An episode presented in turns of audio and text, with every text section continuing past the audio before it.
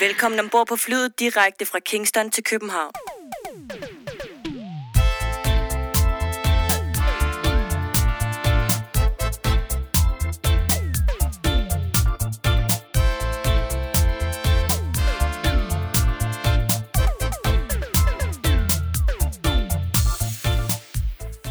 Du har tunet dig ind på podcasten Fra Kingston til København. Historien om reggae i Danmark. Podcasten, som går bag de personer, som har været med til og en del af at forme reggae i Danmark fra midten af 1970'erne og frem til i dag. Vores mission er at give ordet til mennesker, som har gode historier at fortælle, og på den måde skabe et bredt historisk billede af reggaeens udvikling i Danmark. I denne podcast kommer vi til at tale med musikere, sangere, DJ's, selectors, skribenter og journalister, som er og har været en del af dansk reggae-historie. Vi er Jørgen Husum og Lars Larsen. Velkommen til.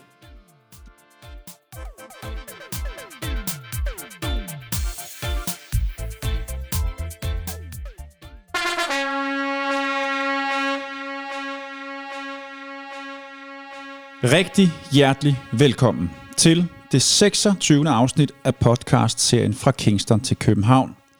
Jeg hedder Jørgen Husum, og ved siden af mig sidder min faste medvært, Lars Larsen. Det gør jeg. Velkommen til. Tak. Det er godt at se dig. I lige måde. Tak. Vi ser jo ikke så meget til hinanden for øjeblikket. Nej, kun en gang om ugen. en gang om ugen. Vi har glædet os rigtig, rigtig meget til det her afsnit, og det har vi, fordi dagens gæster for det første går en del år tilbage. Og så ser jeg personligt meget frem til at høre alle deres historier. Blandt andet så ser jeg frem til at høre historien om da Natasha i 2006 vinder Red Stripe Ivory FM Big Break talentkonkurrence på Jamaica. Men først... Lars Larsen anbefaler. Denne uges anbefaling er inspireret af en tråd, der har været på Dancehall.dk den sidste uges tid. Den tråd, der handler om, øh, hvilket soundsystem, øh, hvilket soundsystem, der er ens yndlingssoundsystem, hvor der har været mange forskellige bud. Og øh, et af mine all-time favorite soundsystems, selvom jeg desværre aldrig har hørt dem, er et soundsystem, der hedder Volcano High Power. Så det, øh. så det du gør nu, Lars, det er, at du går faktisk ind og laver en Lars Larsen anbefaler crossover med ugens overflyvning. Ja, det gør, det gør jeg. Ja, det gør Vi ikke. blander lidt sammen. Det er så fint. Ja. Øh, manden bag øh, Volcano High Power var en fyr, der hed Henry John Joe Laws. Og øh, udover at han, øh, han stod bag det der øh, sound system, så havde han øh, også et pladselskab, der hed Volcano. Og han stod bag, bag mange af, af produktionerne i den periode. Øh, i, fra 1981 80, 81 til 84, som er en af mine absolute favoritperioder i jamaikansk musik. Øh, Øh, det var kort tid efter, at man på Jamaica i 1980 havde haft en ekstrem voldelig øh, valghandling øh, med nærmest borgerkrigslignende øh, tilstanden, hvor folk overskød efter hinanden i gaderne. Så jeg tænker, at grunden til, at musikken bliver sådan meget mere mellow, og, og tempoet går meget ned, og mange sangene handler om, i den periode, øh, om bare at have det fedt. Mange af sangene handler om, hvad der sker i, i The Dancehall, og Nice Up The Dance, og Dance Happy Ram, og alle sådan nogle, nogle ting, de synger om. Jeg tænker, det måske har været en reaktion på, at de har haft sådan en ekstrem tid der i 1980. At man simpelthen øh, trænger til at, at have det godt, og slappe af og gå ud og, og hygge sig i The Dancehall. Og den hedder jo også, den periode kalder man også for dancehall style, eller bare dancehall. Det har selvfølgelig intet at gøre med den dancehall, vi, vi hører i dag, men, men det kalder man den periode for. Man kalder det også for Robert Up. Og som sagt, en af mine absolut yndlingsperioder i amerikansk musik. Og anbefalingen, øh, jeg har med i dag, er en CD, som hedder Henry John Laws Volcano Eruption, som er en Various Artists CD, hvor øh, mange af de største navne fra den periode øh, er med på. Der kom jo rigtig mange gode sanger frem i den periode der, synes jeg. Frankie Paul, Barrington Levi, Sugar Miner, han var der selvfølgelig i forvejen, men lavede også rigtig mange fede ting i den periode. Der er også øh, sanger som Levi Smart, som også laver fede ting i den periode. Michael Prophet, John Holt, også en gammel sanger, som også laver for eksempel Policien i helikopter i den periode. Også med på den her CD. Don Carlos, super fed sanger også, som bliver meget stor i, i den periode der. Johnny Osborne, øh, Frankie Port har jeg nævnt, Coco T laver også fede ting i den periode, øh, som, som John DeLores producerer, og de kom jo, John DeLores producerede dem, og så kom det udgivet rigtig mange ting, blev udgivet på Clean Street Record i England i den periode der. Og det er også den periode, hvor Roots Radix bakker op. Øh, ja, øh, det er dem, der er backing band på, på stort set alle de der øh, numre fra den gang der, ikke? Indspillet som regel i Channel One-studiet, ikke? Øh. Kan du nævne nogle øh, tunes, som øh, Tune Laws har produceret, som man formentlig bør kende? Så for eksempel her på den her side, der er Warriors in the Dance, Frankie Paul, Prison Over, Rock Barrington Levi, Hog and Gold, Don Carlos, 21 Girls Salute igen med Barrington Levi, mm. øh, Comfy Marshit med Tony Toff. Alle sammen kæmpe fede tunes, og som, igen som sagt, en af mine absolut favoritperioder i den amerikansk musikhistorie. Øh. Udover øh, den der CD, som jeg lige tjekkede i dag, det kan man finde stadigvæk på, eller man kan finde på både på Spotify og på Tidal. Det hedder som sagt Henry John Delors Volcano Eruption. Og i, i samme periode der er der to finder faktisk, som tager øh, en tur til Kingston og besøger Volcano High Power og, øh, og udgiver en bog, der hedder Cool Runnings International Reggae in a Dancehall Style in Kingston, Jamaica. Og vi lægger selvfølgelig billeder op af både CD og bog på vores Instagram. Og nu er det blevet tid til... Ugens overflyvning. Denne uge, der skal vi øh, snakke lidt om sound system, og vi skal, øh, vi skal snakke lidt om, hvad det egentlig koster at være reggae-DJ, Lars. Men lad os starte med, med sound system. Vores gode ven Andreas, han har opfordret os til at, øh, eller ikke kun os, men opfordrer til, at øh, folk de fortæller lidt om, hvad deres bedste soundsystem er, baseret på øh, højtalere, øh, micman osv., osv., plader, dubplates og alt det her. Hvad er dit all-time favorite soundsystem, Lars? Den er jo svær, kun at vælge, kun at vælge et, synes jeg. Mm. Øh, som jeg nævner i anbefalingen, så det der, der hedder Volcano High Power i starten af 80'erne, har jo været helt fantastisk, og ærger mig over, at jeg aldrig nogensinde nåede at opleve dem. det kunne have været en kæmpe oplevelse, tænker jeg. Øh, så har jeg jo også haft nogle andre fantastiske oplevelser med sound systems rundt omkring. Blandt andet havde jeg jo en helt fantastisk tur sammen med vores rigtig gode ven Rasmus i omkring år 2000, tror jeg det var, Og vi var i øh, Haren i Tyskland for at høre, øh, der var sådan en festival med, med alle mulige forskellige soundsystem fra Jamaica, og øh, så var det David Rodigans 25-års jubilæum som DJ. Det var sådan hovedoverskriften på, på festivalen. Det var fejring af David Rodigans 25-års jubilæum. Øh, og så var der forskellige kæmpe soundsystem fra Jamaica. Der var Bass Odyssey, der var Kilimanjaro, og der var Stone Love.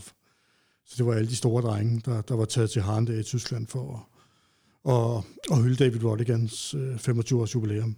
Det var en helt fantastisk festival. Øh, fantastisk tur i det hele taget. Øh, det eneste Rasmus og jeg, vi vidste, øh, øh, det var, at vi, skulle, vi havde adressen på, hvor den der festival foregik. Og så tror jeg, jeg havde bygget, booket en flybillet, og Rasmus havde sørget for et hotelværelse. Så vi tog flyveren derned og lander der i det område der, og vi havde lejet en bil i lufthavnen. Og så kører vi mod øh, adressen på det der hotel, hvor vi skal bo i den weekend der. Og så viser det sig bare, at vi kommer ned til et helt fantastisk naturskønt område. Vi kommer ned til det område, der hedder Mosel. Og det vidste vi jo ikke engang. Vi havde bare adressen på, hvor festivalen var, og adressen på, på, hotel, på hotellet. Så vi får, udover at vi får en, en, en kæmpe oplevelse med den der festival i hele weekenden, så kommer vi jo ned, som sagt, til et helt fantastisk smukt område. Et vinområde, hvor de laver hvidvin. Floden løber igennem, øh, snor sig igennem området, og du kan se bjergene ligger der, og, og vinmarkerne ligger op af, af bakkerne der og sådan noget. Helt fantastisk smukt. Og øh, selvfølgelig det hotel, vi, vi så havner på, viser sig, at ejeren af hotel, han er selv af vinbonde, så øh, hans vinmarker ligger lige uden for hans hotel. Så vi sidder simpelthen på hans terrasse, om, om, da vi ankommer der om fredagen om eftermiddagen, og får hvidvin direkte fra hanen ned fra hans kælder, hans egen hvidvin, som selvfølgelig smagte helt fantastisk. Super fed tur og super fed oplevelse, men, men det omkring Sound Systems øh, på den tur var, at øh, David Rodigan spiller et sæt, og den sidste tune, han spiller, er Carry Go, Go Bring Come med, øh, med Justin Hines and the Dominoes, og et nummer, jeg altid har elsket. altid været vild med det nummer. Så jeg er jo helt op at køre, da han spiller det nummer der. Og det er hans sidste tune, som sagt, i hans sæt. Så er det Stone Love, der går på lige efter. Så, og det første nummer, de spiller, de spiller Carry Go Bring Home bare som en dubplate. Altså, mm. Kæmpe oplevelse, altså. Det var virkelig stort.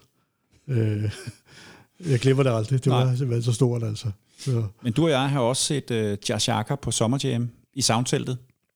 Ja, det var også stort. Det var også helt outstanding, altså. Det vil jeg sige, hvis jeg skal nævne et som min yndlings soundsystem nogensinde, så er det Josh Jaka. Det var også helt fantastisk og se Josh Jaka i, i det telt der. Og han var der jo heldigvis øh, hele weekend der på Sommerjam, så man kunne bare gå hen en gang imellem og, og så bare nyde øh, de vibes, der var, og jamen bare den måde, han spiller, han spiller de tunes på. Altså den ene fede tune efter den anden, kun med én pladespiller, og med ryggen til publikum. Og så spiller han mega monsterfed tune, så vender han det lige om og spiller en dop af tunen, som også bare er helt, altså outstanding fed dub, ikke? Og på hans egne hjembyggede kasser og højtaler, ikke? Som, som han har bygget en gang i 70'erne, tror jeg, eller sådan noget. Det var, det var en, en helt fantastisk oplevelse. Hvad gør et godt sound for dig? Hvad, hvad skal et sound kunne? Jamen for eksempel lave sådan en vibe der, som, som, som Jazz kan, ikke? som er helt unik. Ikke? Øh. Og så skal det jo også kunne spille de rigtige tunes selvfølgelig, i en rigtig rækkefølge. Hvad med, hvad med, de skal også have en god mic-mand. En god mic-mand er også enormt vigtig, ja. Det er det. Det er mm. også vigtigt. Ja. Så, ja. Øh, jeg tror, mit favoritsound, det er nok Stone Love. Jeg har aldrig, desværre aldrig oplevet dem. Men jeg har hørt utallige øh, kassettebånd op igennem 90'erne, som jeg øh, bestilte over nettet med Rory og Weepo og alle de fyre på mikrofonen, og så synes og, og deres stopplates, jeg synes det er et helt fantastisk sound. Jeg ved godt, det er noget andet end Jazz Shaka, altså en anden type sound. Det er en anden fest nærmest, ikke? Men øhm, det, det, er, det er et soundsystem, jeg godt kunne tænke mig at se. Jeg har været heldig, som sagt, se dem to gange. Altså den der festival, som jeg nævnte før, og så har jeg også set dem på Summer Jam. Og det var også, det var også stort, det var det. Det var virkelig stort også. Har jeg så også set dem på Summer Jam? Jeg tror, det var et af de år, du ikke var med, måske. Ja, det, så vil du vide det, når du, når du, øh, når du synes, de er så fede, så vil du, vil du kunne huske, hvis du har set dem, ikke? Tænker jeg. Ja. Kunne jo være, at jeg havde været meget fuld. Men det, det var vi jo nogle gange. Ja. Nå, men øh, det var, det var øh, den tråd har i hvert fald været inde på øh, dagensol.dk, hvor øh, man øh, opfordres til at skrive lidt om, hvad man øh, hvad ens favorit soundsystem er, og hvad der for en gør et godt soundsystem. Der har også øh, været en tråd omkring, hvad det egentlig koster at være reggae-DJ. Ja, øh, omkring, øh, ja, omkring omkostningerne. Omkring om, ja, omkostninger, ja, hvor mange, køb af plader. Køb af plader og så videre, ja. ja. I, og da vi sad og snakkede herinde, Lars, der, der fortalte du, at øh, du havde fundet øh, nogle syvtommer øh, inde på, var det på reggaefever.com, ja. ja. De kører en, der en, øh, de sælger CD'er og, og, og vinylplader helt normalt, men så en gang imellem kørte de en auktion over sjældne plader, sjældne amerikanske plader. Og der fandt jeg en 7-tommer tinkel, som ja, for, for nogle dage siden stod den til at koste 3.000 euro. Det kan så se, at jeg lige var inde og kigge i dag, der siger den ned til 1.000 euro. Men 3.000 euro, det er vel 23.000 kroner for en 7-tommer single. Det er det vildeste, jeg har set indtil nu. Hvem var det med? Øh, det er nogen, der hedder Clive All Stars, et nummer, der hedder Another Scorcher. Det er super fedt nummer, men 3.000 euro. Jeg står af i hvert fald, det er ikke sikkert. Du sagde ellers lige, vent, vent lige med at optage, ja, jeg skal lige skrive på, på den. ja. Fantastisk. Ja. Øh, men så er der den der debat om, øh, ja, om, om hvor, hvor, hvor, hvor, meget, hvor mange penge man skal lægge for at have en ordentlig en stor reggae-samling. Ikke? Ja. Og øh, jeg tror, det er så Søren Willemus, der nævner, at den genre, der hedder Northern Soul, at der kan man komme af med rigtig, rigtig mange penge også. Det er vist noget med, at øh, hvis man er DJ inden for den genre, der accepterer, accepterer de kun, at man, at man spiller originalpres. Så, så der kan man også komme af med en formue, ikke? Som, ja. som DJ i den genre. Ja. ja.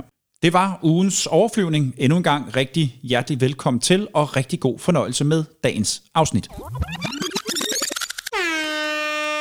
Navnet Natasha Sat er for mig synonym med dansk dancehall. Og i dag skal vi med vores to gæster kigge nærmere på, hvem Natasha var, og vi skal blandt andet høre historien om, da hun i 2006 vandt Red Stripe Ivy FM Big Break. Og selvom den jamaikanske talentkonkurrence måske ikke vækker den store genklang herhjemme, så var det efter at have vundet Big Break, hun for alvor slog sit navn fast. Desværre nåede Natasha ikke at opleve den succes, hun efterfølgende fik. Natasha omkom i en bilulykke året efter i 2007, i netop samme land, hun var taget til for at følge drømmen om en sangkarriere. Dagens to gæster var nære venner med Natasha og fulgte hende tæt, da hun i de år var på Jamaica. Det er deres historie, vi skal høre i dag. Rigtig varm velkommen til Karen Mukuba og Adam Dreisler. Tak. Tak. Og kan I ikke ganske kort starte med at præsentere jer selv? Karen, du kan starte. Jo, jeg hedder Karen Mokuba, og øh, jeg har lavet musik siden ja, 89-90, hvor jeg startede i No Name Requested sammen med Natasha, og en anden pige, der hedder Gina. Men vi var tre piger. Mm. Startede 90'erne. Mm.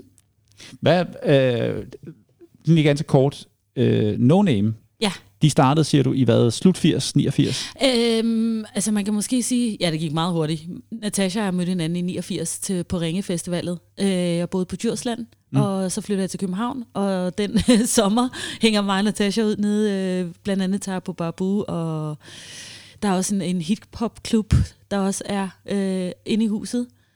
Og vi finder ret hurtigt ud af, at Natasha og vi skal lave det her band. Øh, jeg hedder Sister Zambone på det tidspunkt, og hun hedder Sister Livingstone.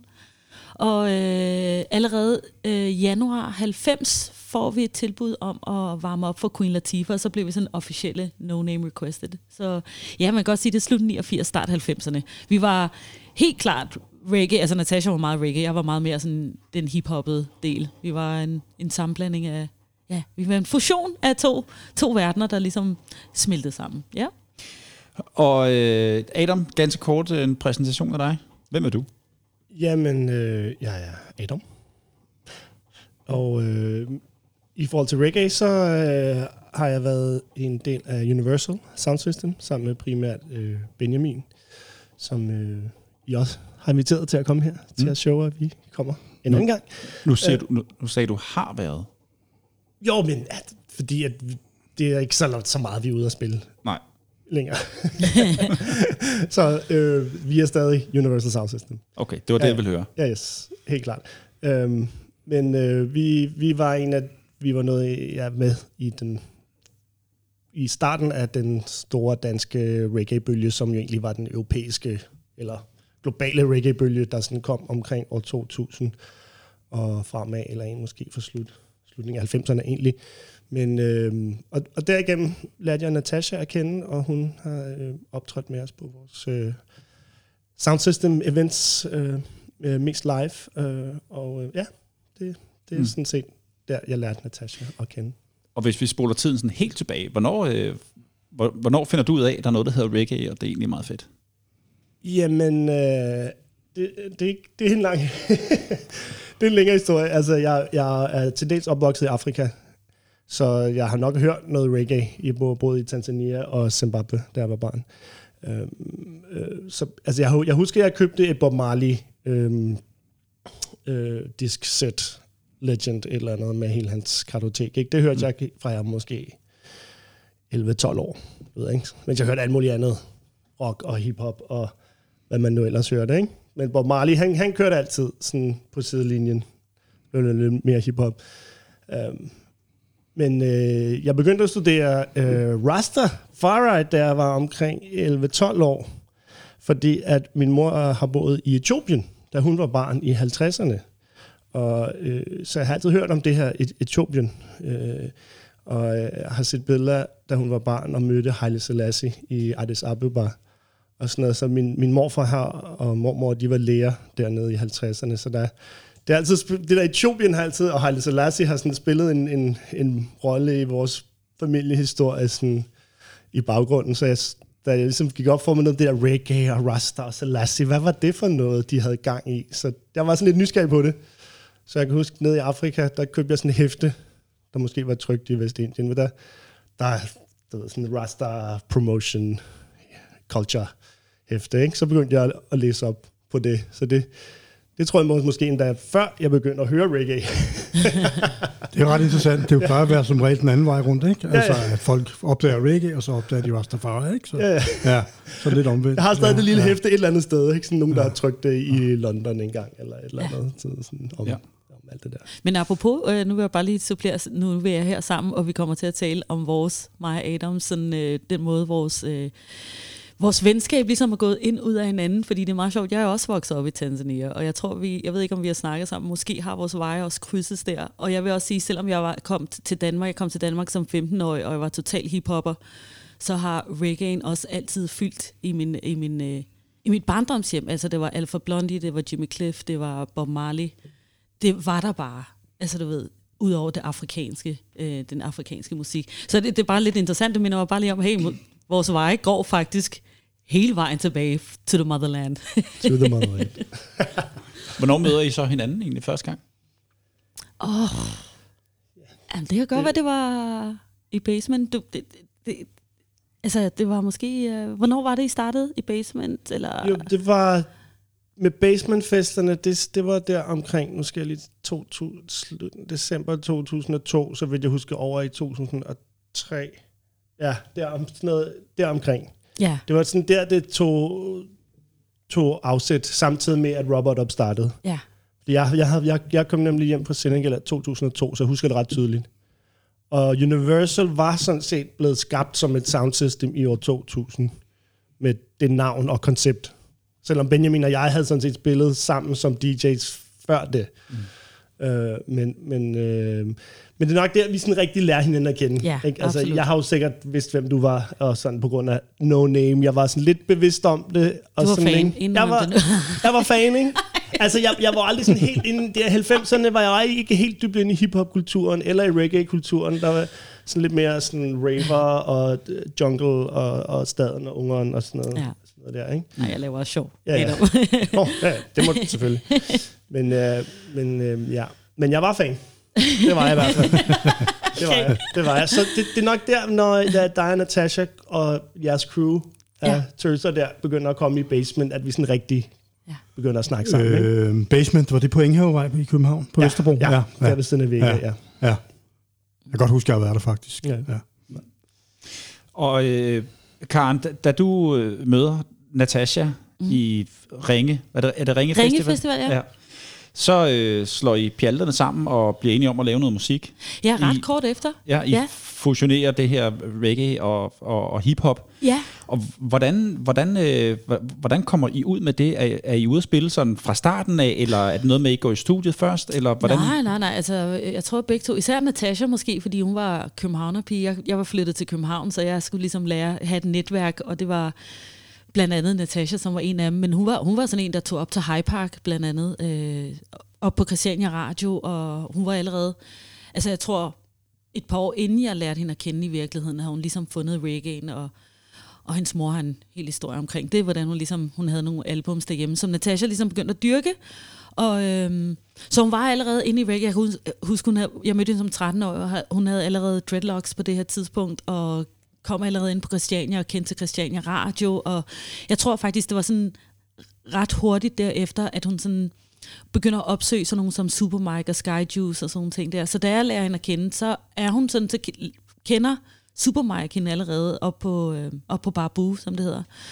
Øhm, og jeg, jeg har jo siddet derhjemme bare og, og skrevet lidt selv. Så man kan sige, at Natasha var lidt en del af reggae-miljøet allerede på det her tidspunkt, på grund af High Park. Jeg tror, High Park var lidt hendes mentor i virkeligheden, altså lærte hende alt om, øh, du ved, hvordan Jamaica var, og du ved, og hvordan, om Rastafari. Altså man skulle måske tro, at det kom fra Supermike, og det gjorde det også meget. Musikken kom fra Supermike, men helt sikkert den der mentorship fik hun fra, fra High Park, 100 procent. Så da jeg lærte hende at kende, så preachede hun over for mig sådan omkring Rastafari, og når jeg kom hjem til hende, så kunne hun finde på at sidde med Bibelen og læse den med tørklæde på, og sådan noget. Jeg kan tænke, jeg tænkte, what is det var meget, meget sjovt, men øh, altså, hun var allerede sådan dybt ind i det, ikke? Og, så, og, det, og, og, og, hvad hedder det, og hun, altså, altså, fordi der var ikke rigtig studier, som der er i dag. Så det vi gjorde, det var bare at opsøge folk, som vi synes var spændende at optræde hos. Så når for eksempel første gang, jeg ligesom ser Natasha optræde, det er, at hun lige pludselig står op på scenen, øh, netop til Skyjuice, og der har hun bare spurgt det ved jeg, Super Mike har sagt, hun har sagt flere gange, må jeg ikke nok komme op og rap? Må jeg? Han har bare tænkt, hvad er det for en lille pige? Og så endelig kommer hun op, og så laver hun en sang, der hedder Under My Mommy, som handler om, at hendes mor vil have, at hun skulle komme hjem kl. 10, og hun vil altså gerne ud og feste, og der er hun altså kun 14 år og har skrevet det her nummer. Så øhm, ja, det, altså vores, vores mission var i virkeligheden bare at komme ud og spille, så det var noget med at spørge, altså banke på døre, det var bare det, vi gjorde. Altså vi var måske møg irriterende, altså, fordi vi var bare sådan nogle, vi skulle bare frem. Og så senere kom så noget med at gå i studiet og møde sådan nogle som Joachim og Phase 5. Har, Ja, Ja. Jeg kom lige i tanke om en ting. Mm. Mm. Det må jeg selv om, at vi har med i programmet live. Men jeg har en optagelse af hende i blandt de der CD'er, jeg fik i uh, Break Break af hende i uh, studiet. I, Ja. ja. i, i, um, um, i uh, studenterhuset. Nej, slået op. I huset i, I huset, huset i Babu, Babu, ja. i 90'erne. Ja, Den sender jeg lige til jer, den der optagelse. Så Meget kan måske komme kom med. Meget med gerne. Skyjuice, hvor man kan høre det sådan helt sound system, rough and tough. Fuldstændig. Uh, jeg ved ikke, om det er lige den op, optag, den dag, men det er i hvert fald en tilsvarende fedt. dag, den er virkelig griner. Jeg kom lige i tanke om det. Det vil jeg også Den sender gerne jeg lige høre. til jer. Ja. Vi skal, vi skal måske lige nævne, den, den her klub, Babu, mm. øh, var jo en klub, øh, som Supermike og hans crew, Skyjuice, de havde inde i byen. Jeg kan ikke huske, hvad den gade hedder. Vi har Det hedder nævnt. Magstræde. Magstræde. Huset, huset i Magstræde, ja. Ja. Hedder det. ja. Og der er jo rigtig mange, inklusive mig selv, som har fået sådan en soundsystem-opdragelse derfra. Ja, Øhm, Mike han havde jo sounds, altså både, altså både i huset Magstræde, men også længere nede af, og det er vist nok den, der hedder Babu. Der ligger sådan en latin-klub i dag. ah, det var ikke Nej, den, hed Babu lå øverst oppe. Mellon, ja. Mellon Club. Ja. Babu lå øverst, det gør den ikke deroppe Jo. i musik, eller i huset, ja. Det er rigtigt. Rum på musikcaféen, så vidt jeg husker, ikke? Jo. Øh, ja, i hvert fald øverst deroppe i, i Og så havde huset, han The Mellon længere ned ad gaden. I Løn, Løngangstræde. Senere hen, ja. Ja, lige Ja. præcis. Ja. Udgiver øh, No Name nogle plader, nogle albums? Øh. Ja, vi udgiver to singler faktisk øh, ret hurtigt efter. Om, øh, ja, øh, måske vi var, fordi vi var piger, og helt sikkert fordi vi havde noget talent. Det ville jeg mig i hvert fald. Så, får vi, det havde I den grad. så får vi faktisk ret hurtigt en pladekontrakt øh, med, med nogen, der hedder Mega Records. Øh, som også signer Ace of Base på det her tidspunkt, men da vi bliver signet, det er lige inden de signer Ace Base, og de synes, at nu vil de lave, lave der en form for Motown her i Danmark, øh, så de signer os og Allergami og Zap Zap. Men der går ikke særlig mange måneder, og så er de signet øh, Ace Base.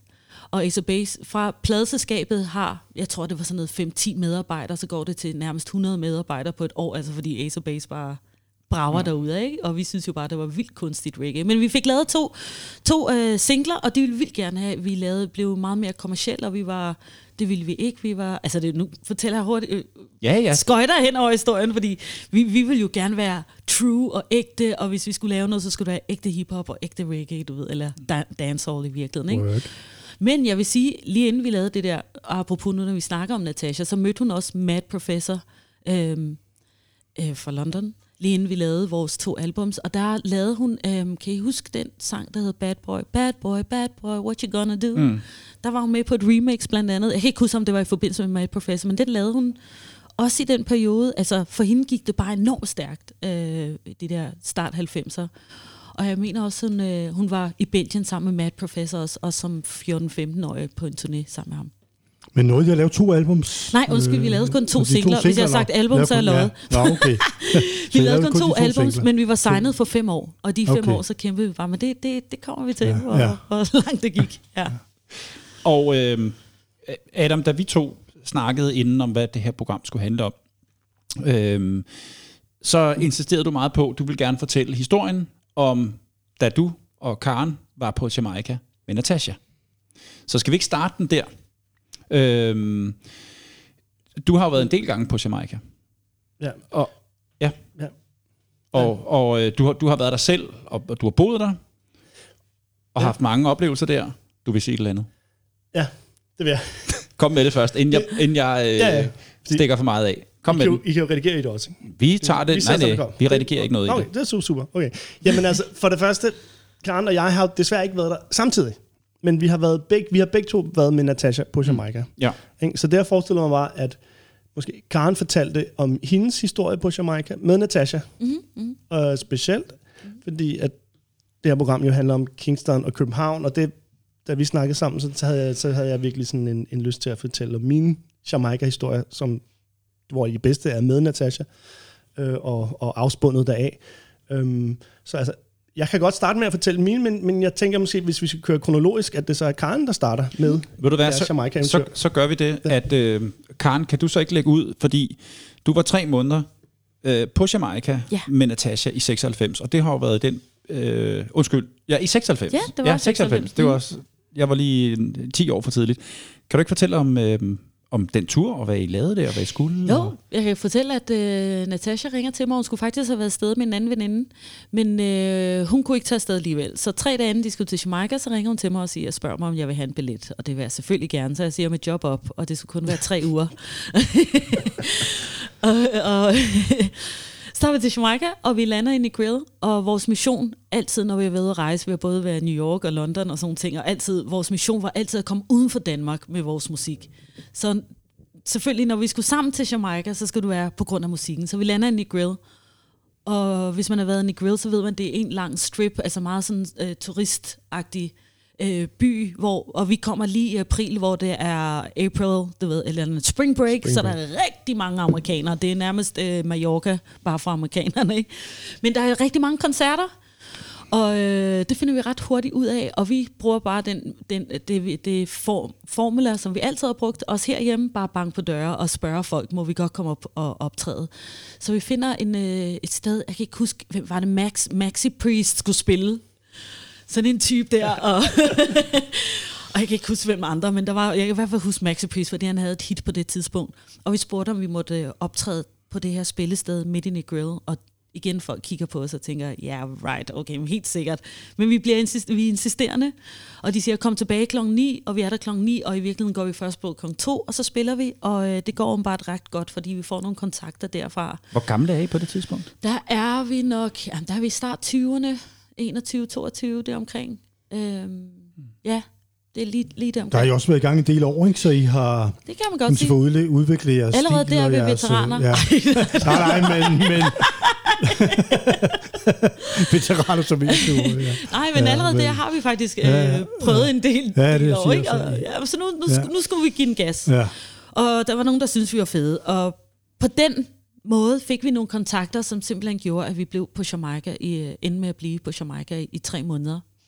Øhm, blandt andet, hvor vi kom til at optræde for Buju Bantan, øhm, hvor øh, G.T. Taylor, som har, har, er en af de store radioværter på IRFM, bare øh, kaster hans kærlighed over på os, og vi var i, stu- i du ved, radioen flere gange derovre og snakke. The African Daughters from Denmark blev vi kaldt ofte. Optrådte I øh, også, eller lavede I også... Øh, Ej, vi optrådte rigtig meget, fordi, også, også i radioen, eller var det bare, øh, Og vi bare optrådte også, interview? Øh, vi optrådte også i Ja, radioen, ja, så skulle ja, vi give ja. dem en lille... Fordi sange, ja. Sådan er det på Jamaica, Ja, ja. og faktisk også Fedt. USA. Give us something, Fedt. vis at de kan noget, ikke? Så skulle vi Fedt. stå der, og Ja. jeg var altid ved at tisse i bukserne, og Natasha var bare altid mega sej, så hun var en styrke der. så, men øh, Men G.T. Taylor var jo også ham, som var vært på Big Break 10 Lige præcis. år senere. lige præcis. Ja, det kan vi vende Lige tilbage til. præcis. Men han blev lidt vores øh, onkel der på Jamaica. Vi, vi, vores base var i noget, der hedder Belmont, en lille bitte øh, by, fiskerby, ikke så langt fra Negril. Og der er også en lille en dansker base, øh, en dame, der hedder Kisser blandt andet, som mm. havde et hus der. Så der boede vi rigtig meget. Øh, men derfra, der kunne vi ligesom... Øh, fordi Jamaica er i virkeligheden ikke så stor, så vi lejede en bil med de penge, vi ikke havde. og hvad hedder det, øh, vi skulle jo kun være der tre uger, så, så de rest, resterende tid, det, det var den måde, vi tjente penge på, det var simpelthen for ved at komme op og optræde.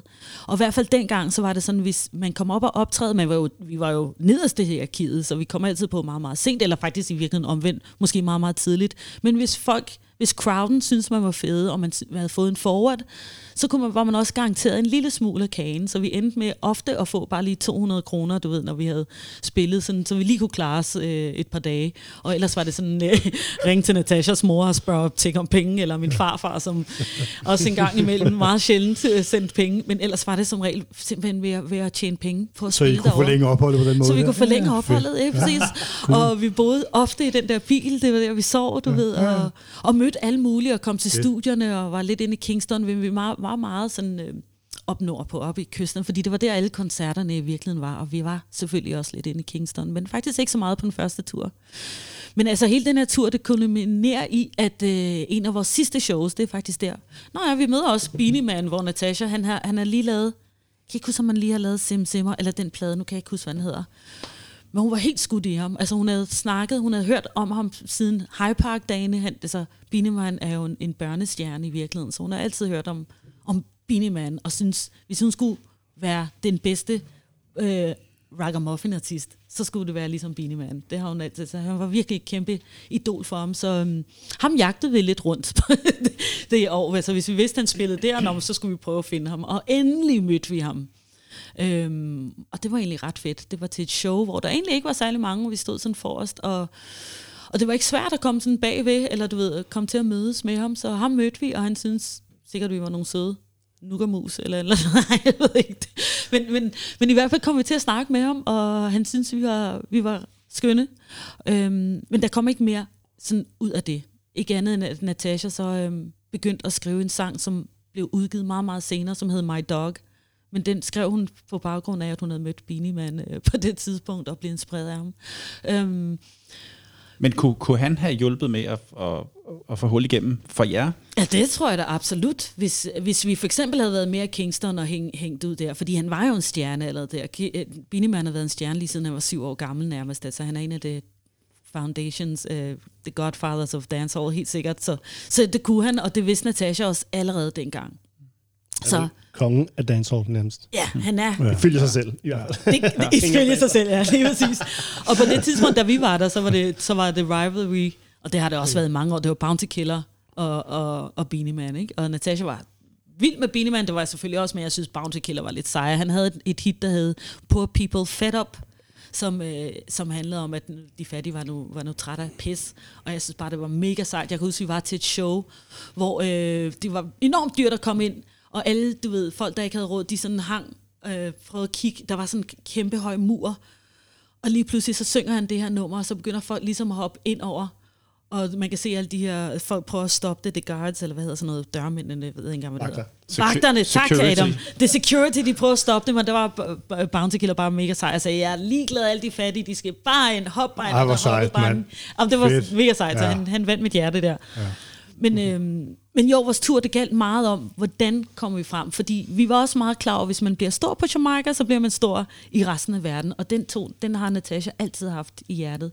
Men vores tur slutter af med... Øh, hvor vi finder ud af, okay, nu bliver vi lidt nødt til at tage hjem, men alligevel har vi ikke lyst til at tage hjem, øh, for nu har jeg også nasset nok på, på Jamaica på en eller anden måde. Og, og, så, og så, hvad hedder det... Øhm, Men I har jo også givet dem noget ved at optræde for dem, kan man sige. det har vi ja. faktisk, og, og, og jeg vil lige sige, vi, vi havde to, to af vores sidste shows, der sådan var lidt ikoniske, fordi det andet sidste show, der opvarmede vi netop til Buju Banton. Det var et kæmpestort øh, dancehall show i The Grill, hvor vi var så heldige at komme til at optræde. Og, og der var der en amerikaner, som var i publikum, som syntes, vi var ja, skønne, og sagde, prøv at høre piger, jeg kan tage jer med til... Øh, jeg kan tage med til et sted, jeg siger ikke hvem, men jeg tager jer med til et sted, og I skal bare, I bliver signet med det samme, og vi kører, han kører os næste dag til Ocho og lige inden vi skal ind i den her kæmpe port, altså for os ligner det et eller andet fra Hollywood, så siger han, I skal lige skrue under her. Og på det her står der, at lige meget hvad der sker herinde, så har han rettighederne til, til hvad der kommer til at ske med vores musik. Og vi er sådan, what? Hvad sker der for dig? Og han ender med, vi ender med at kalde ham Lucifer, og vi er skidesure. Men alligevel er vi så nysgerrige på, hvad er det, han vil tage os hen til? Så, hvad hedder det, så vi ender med at skrive under på det her stykke papir, som han har skrevet på, på køleren af hans bil. Og vi kører ned den her port, og det er sådan en kæmpe park, og og der er en kæmpe mansion, og han, han kommer ind, og han er rigtig sådan en rigtig amerikaner, der rigtig tror, han, han kan det hele. Så han kommer ind, og vi øh, sætter os ud på en terrasse, og så kommer der en, en lille rødhåret mand ind og taler totalt par, Han tror, at øh, Natasha er inder, så han begynder at tale hindi til hende. Og hun er bare sådan, øh, no, I don't, I'm not a hindi, men hun taler patois ligesom en jamaikaner, så så han bliver sådan, nå okay, du er bare jamaikaner. Nej, men det er jeg heller ikke. Og "Nå, jeg er faktisk øh, dansker fra Sudan. Åh, oh, okay, okay. Og så synes han, at vi var spændende. Og ham og amerikaneren sagde, jeg synes, du skal se de her piger, du skal se de her piger. Så satte han et bånd i, som, øh, som han har optaget os dagen før. Og det er, nå, undskyld, det viser sig så, at det er ham, det er øh, Ali fra UB40, forsangeren. De er lige flyttet til, øh, eller ikke lige, men de har købt øh, Bob Marleys øh, studie, det sidste studie, han havde dernede. Kæmpe studie, altså det sidste studie, han byggede. Øhm, og der, deres plan var ligesom at signe en masse artister på Jamaica, unge artister, og lave et pladeselskab. Og, og det vidste ham med amerikaneren godt. Øh, og Ali hører os, og han synes, det er vildt fedt. Og han siger, girls, lad os, lad os gå ind, og lad os indspille noget nu. Og så går vi ind og indspiller noget, og han siger, prøv at høre, vi bliver nødt til at lave noget. Hvordan kan vi signe jer? Og vi er sådan, ja, I don't know, vi bor her ikke, vi kommer fra Danmark.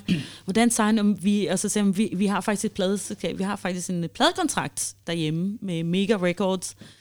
Nå, ej, hvor ærgerligt. Men prøv at høre, I bliver nødt til at tage hjem og få det ordnet og komme tilbage, for vi skal altså lave nogle plader. I, I, altså, jeg bliver nødt til at have, sådan her var han lidt. Var det, var det Ali Campbell? Fra? Ja, Ali Campbell. Jeg kan ja. ikke lige huske, jeg gad, jeg vil ikke sige noget forkert. Jeg kan ikke huske hans efternavn. Lige ja. præcis, Ali ja, Campbell. Ja. red, red, Exactly, ja. hvis man ikke lige kan huske yes. det. Øhm, og så kører vi derfra, øh, jeg tror øh, dagen efter faktisk, og vi lover hinanden, at vi nok skal ses igen. Øh, og ham amerikaneren, han er helt mærkelig, og han, sådan, yeah! han, han føler nærmest, at hans liv er blevet, nu kommer millionerne rullende ind. og Natasha synes bare, at han var den mest irriterende, og vi kommer faktisk op og skændes med ham på vej tilbage til Nick Grill, hvor vi skal, øh, du ved, fordi vi synes, at han er mega irriterende, og han vil gerne have at massere hans, du ved, ryg, mens han spiller, eller mens han kører, fordi nu har han haft det vildt hårdt, og han har givet os den her kontakt, og vi er bare sådan, hvad laver du? Det vil vi overhovedet ikke. Så han sætter os af midt på landvejen, du ved, midt på, og så altså sådan ret langt væk fra Nick altså midt i, ude i ingenting, og, og, det, og klokken var faktisk ret mange, jeg kan huske, det var mørkt. Så ham så vi faktisk aldrig, men vi havde det her kassettebånd med Ali, og vi skulle bare hjem til Mega og, og, hvad hedder det, og spille det her. Men lige inden, der havde vi vores aller sidste show, som G.T. Taylor havde sat op i den lille by, der hedder Savannah. Savannah. Savannah, den mm-hmm. mener Savannah, ja. Ja, lige præcis. Og vi skulle hen, og han sagde, kom i radioen i OG, så vi tager hele vejen til OG igen, laver et interview, hvor han snakker om, at nu pigerne de kommer og laver, vi var, ikke, vi var en af hovednavne, vi var ikke hovednavne, men vi var en af dem, og han ligesom bækker os op og virkelig taler om, at folk skal virkelig komme og se os. Og et par dage efter kommer det her show, og så er der bare proppet, altså proppet, proppet, proppet, og folk siger, they have come just because of you. Og jeg kan huske der, hvor vi boede i uh, Belmont, det sted der, der havde de også hørt det på radioen, og de var så stolte af, at vi havde ligesom hey, vi havde været her i tre måneder, tænk G.T. Taylor havde lyst til at interviewe os og sætte det her op. Det var kæmpestort, og der var så meget kaos, at i indgangen, da vi kom, så havde vi fået at vide, at øh, der havde været slåskamp lige med ind, og vi billetlugen, for folk havde prøvet at snyde sig ind, så der var en, der havde fået hugget hånden af, du ved, Ej, de der vagter også. Ja, totalt forfærdeligt. Totalt forfærdeligt. ja, det Men det, that's Jamaica for you. Ja. og så spiller vi der, og, og, hvad hedder det, og det er en kæmpe succes, og vi tager hjem til Danmark og tænker, yes, we made it, og vi skal, nu skal vi bare hjem til pladeselskabet og sige, at øh, vi vil gerne ud af den her kontrakt, Øhm, og vi skal bare tilbage til Jamaica. Og vi havde det her kassettebånd, og vi havde ikke hørt det endnu. Og da vi kommer hjem til Danmark, så vi så, nu skal I bare høre det, vi har lavet med UB40, og så spiller vi det. Og så har han klippet sig selv ud. Ali Campbell har klippet sin vokaler ud. Og sikkert fordi han var lidt bange for, at vi kunne finde på, og jeg ved ikke, øh, kopiere det. Eller måske var det ham og amerikanerne, han ikke stolede på. Men det, det er faktisk rigtig ærgerligt over, Ej, dag, at vi aldrig fik. Men vores, vores lille del er der, jeg ved ikke, hvor det er, han det kan sætte bånd. Men jo, på Jamaica, vi lavede dubplates, vi lavede muligt. Det var virkelig en skole, som jeg ikke vil være for uden. Altså et eventyr, som var skørt og fantastisk og smukt. Og jamen, så var det altid sammen med Natasha, og altid, når man er på Jamaica. Mm. Så, så den, den med UB40, den blev ikke til noget? Den blev ikke til noget, fordi vi kom hjem, og så var pladselskabet, de blev jo lidt misundelige her. Altså, de havde jo fem år prøvet at lave et album med os, og vi ville bare være hardcore real girls, altså, eller du ved, vi ville bare lave rigtig det vi synes, der var fedt. Og de ville hele tiden have, at vi skulle lave noget med de her producer, uh, Ace of Base producerne, som lavede uh, Dennis Pop, som altså i dag kan man godt, jeg ved mig og Natasha senere tænkte, at vi skulle bare have gjort det, fordi han var jo kæmpe, kæmpe stor. Det havde også givet en dør til os, men vi var, vi var virkelig sådan, vi skal ikke lave noget med en, der hedder Dennis Pop. altså, pop skal vi slet ikke lave. Og så, og så vi kommer hjem, og så viser det sig, det er meget sværere at komme ud af den her kontrakt. Og, på, og vi er også lidt metaltrætte på en eller anden måde. Vi kommer hjem fra Jamaica, og pladeselskabet er stadig, vi er stadig stampe der. Og, hvad hedder det, og så siger vi endelig, okay, lad os bare gøre det der med Dennis Pop. Nu gør vi det, og så kommer vi ud af den kontrakt, og så kommer vi til Jamaica. Og alt er ligesom planlagt, at vi skal til Stockholm, og den og den dato, og cirka tre uger inden vi skal til Stockholm, så ringer vi ligesom til pladeselskabet og siger, hvornår, hvordan er det så, hvordan gør vi det med Stockholm, og hvor skal vi bo hen? Og så siger de, Nå, piger, ej, det bliver altså ikke til noget alligevel, fordi nu har Dennis Pop fået et andet projekt, og vi finder på noget med jer. Og så gik vi sådan lidt ned over det. Og der var, der var ja, det var så 96 og 97 deromkring. Og en eller anden mærkelig grund, altså så um, faded vores musik. Altså det var som om øh, luften gik af ballonen, fordi det var sådan, det var en, altså det er ikke ligesom i dag, hvor der bare er et internet, og du ved, og man bare lige kan, kan skrive til Jamaica. Altså det var virkelig brev til Jamaica, eller en fax, eller et eller andet, du ved, ikke? Så det der med, at vi skulle tilbage til Jamaica igen, og, og vi følte, at vi skulle starte forfra, og vi havde ikke nogen penge, du ved, vi skyldte Gud at være mand nærmest. Ej, det kan passe, men du ved, vi havde bare ikke nogen penge. Så, så den drøm med at, ligesom at komme tilbage til Jamaica og holde fast, vi holdt lidt fast, men de kunne også se i øh, uh, UB40, det var for besværligt, for Mega ville have ret mange penge for, at vi skulle komme ud af, af deres kontrakt. Og da kontrakten ligesom løb ud af sandet, så var det ligesom, så var der gået måske næsten et år, du ved, og der var UB40 også videre, og vi var videre, og som sagt, var det en anden tid, hvor kommunikationen ikke var lige så nem som i dag. Så jeg begyndte at arbejde i en tøjforretning, og Natasha begyndte at, at ride, og lidt senere tog en galopuddannelse. Og det, det er jo altså tæt på at have fået en pladekontrakt med, med UB40 der. Yes, altså, det ville have været stort. det ville have været kæmpe stort. Og ja. de var ikke... Øh, de var ikke interesseret på, eller i at, at få jer igen, når jeres kontrakt med Mega, den var, den var jeg, afsluttet. Ved du, jeg, altså, jeg kan ikke helt huske, hvorfor den sådan ligesom løb ud i sandet, men jeg kan bare vi, jeg kan huske, vi havde sådan en kommunikation frem og tilbage øh, lidt efter, og jeg tror, den, fordi den gik i hårdknude der med Mega Records, så det var ligesom, de sagde det, okay piger, I finder ud af det, hvordan I kommer ud af det, og da vi ligesom var ude af det, der var der nærmest gået et år, altså du ved, øh, efter vi havde været på Jamaica, og der var vi måske lidt et andet sted at finde den energi igen øh, til at komme ud og optræde, eller tage, tage tilbage til Jamaica den, den døde lidt hen. Der, nogle år senere, så var UB40 her i København, og der ville vi enormt gerne have været der, men øh, jeg kan ikke huske, hvad der skete. Jeg ærger mig så meget, at vi ikke kom til den koncert, ligesom at sige hej til Ali, og se, om man kunne huske os. Og måske få en pladekontakt der. Men er det, er det efter der, at No Name ligesom Øh, løber hele det projekt så ud i sandet der? ja, man kan sige, at hjertet gør det ikke, men jo, musikalsk på den måde, så vi, vi optræder ikke så meget mere. Og, ved, jeg begynder at at arbejde i en tøjforretning, og møder Remy kort, ret hurtigt efter, eller sådan ikke, ikke så længe efter, og begynder at lave demoer der, og Natasha begynder at ride, og hun er svær at få med i studiet, og når vi skal optræde, så er hun også, fordi nu, jeg tror også, altså jeg ved ikke, vi, var- vi var virkelig sådan, vi synes, vi havde kæmpet, kæmpet, kæmpet, som du selv siger. Nu har vi også været i gang nærmest siden vi var, jeg var 16, Natasha var 15, da vi ligesom begyndte, og vi havde været i gang Ja. længe.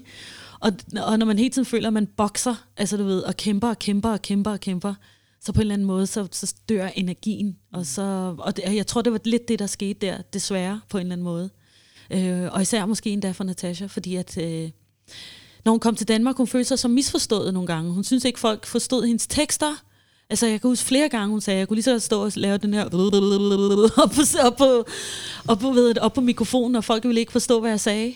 Og altså, det, det er også meget sigende for vores allerførste koncert, Natasha og jeg, øh, i Babu.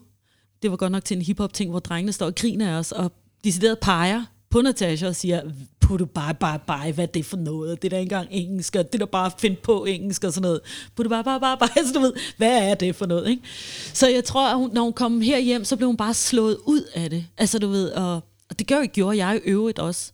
Men måske var jeg sådan lidt heldig, at, at jeg havde lavet et par demoer, som Remy som ligesom hørte, og synes, hey, det, synes, det vil han gerne arbejde videre med, så jeg, jeg, jeg, jeg kunne ligesom, ja, jeg, jeg, jeg, jeg, jeg øh, hvad hedder det, arbejdede videre med min musik, hvor man Natasha, hun kastede nærmest al hendes kærlighed på, på hestene. Simpelthen, det var, hun har altid været en hestepige i virkeligheden, øh, lige siden hun var barn, så, så det følte hun, hun måtte fokusere på. Jeg synes egentlig, vi skal høre noget musik med jer. Mm. Øhm, det er et nummer, som hedder Kom ind og dans. Yes. Ja. Kan du ikke prøve at fortælle lidt om det? Må, må, må jeg komme med en indskyld? Ja, indskyld ja, endelig, historie? endelig. Fordi, så vidt jeg husker det, så var det jo også tanken, at ved at tage den her øh, jockeyuddannelse, Ja. så kunne hun arbejde på Jamaica, hvor de også har en travbane, galopbane, hvad var det? 100%. 100 galop. Øh, galop, galop, galop. 100 galop, ja.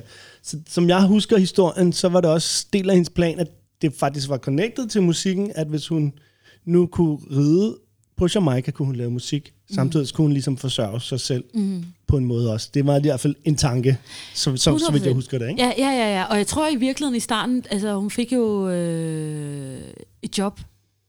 Og, og, jeg, og jeg, altså, ja, hun fik det her job, og jeg tror i virkeligheden, altså sådan helt tilfældigt med heste. Og jeg tror, da hun så begyndte at få, da hun så valgte at tage uddannelsen, så sagde hun, okay, måske kunne du være min billet til at tage tilbage til Jamaica, for din store drøm, Det var vidderligt at bo på Jamaica, have nogle galopheste, og så om dagen ride, og så om aftenen lave musik. Ja, og ikke få noget søvn overhovedet. Nogensinde. Men jo, Common at the Dance, den, øh, den blev udgivet i 93. Den er lavet sammen med Joachim og Phase 5. Det var jo dem, der var det true producers. Det var det eneste, vi havde lyst til at arbejde sammen med. Og Joachim øh, var trommeslager et band, der havde Bass and Trouble. Dem har, hvis man har lyttet med på den her podcast før, så har man sikkert hørt om dem. Og, øh, og den skød vi her i øh, videoen er blevet skudt øh, på, i London. Den hedder Common at the Dance.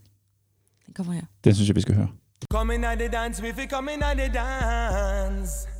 Yeah, yeah. Coming at the dance, we fi coming at the dance. Yeah, yeah. Coming at the dance, we fi coming at the dance.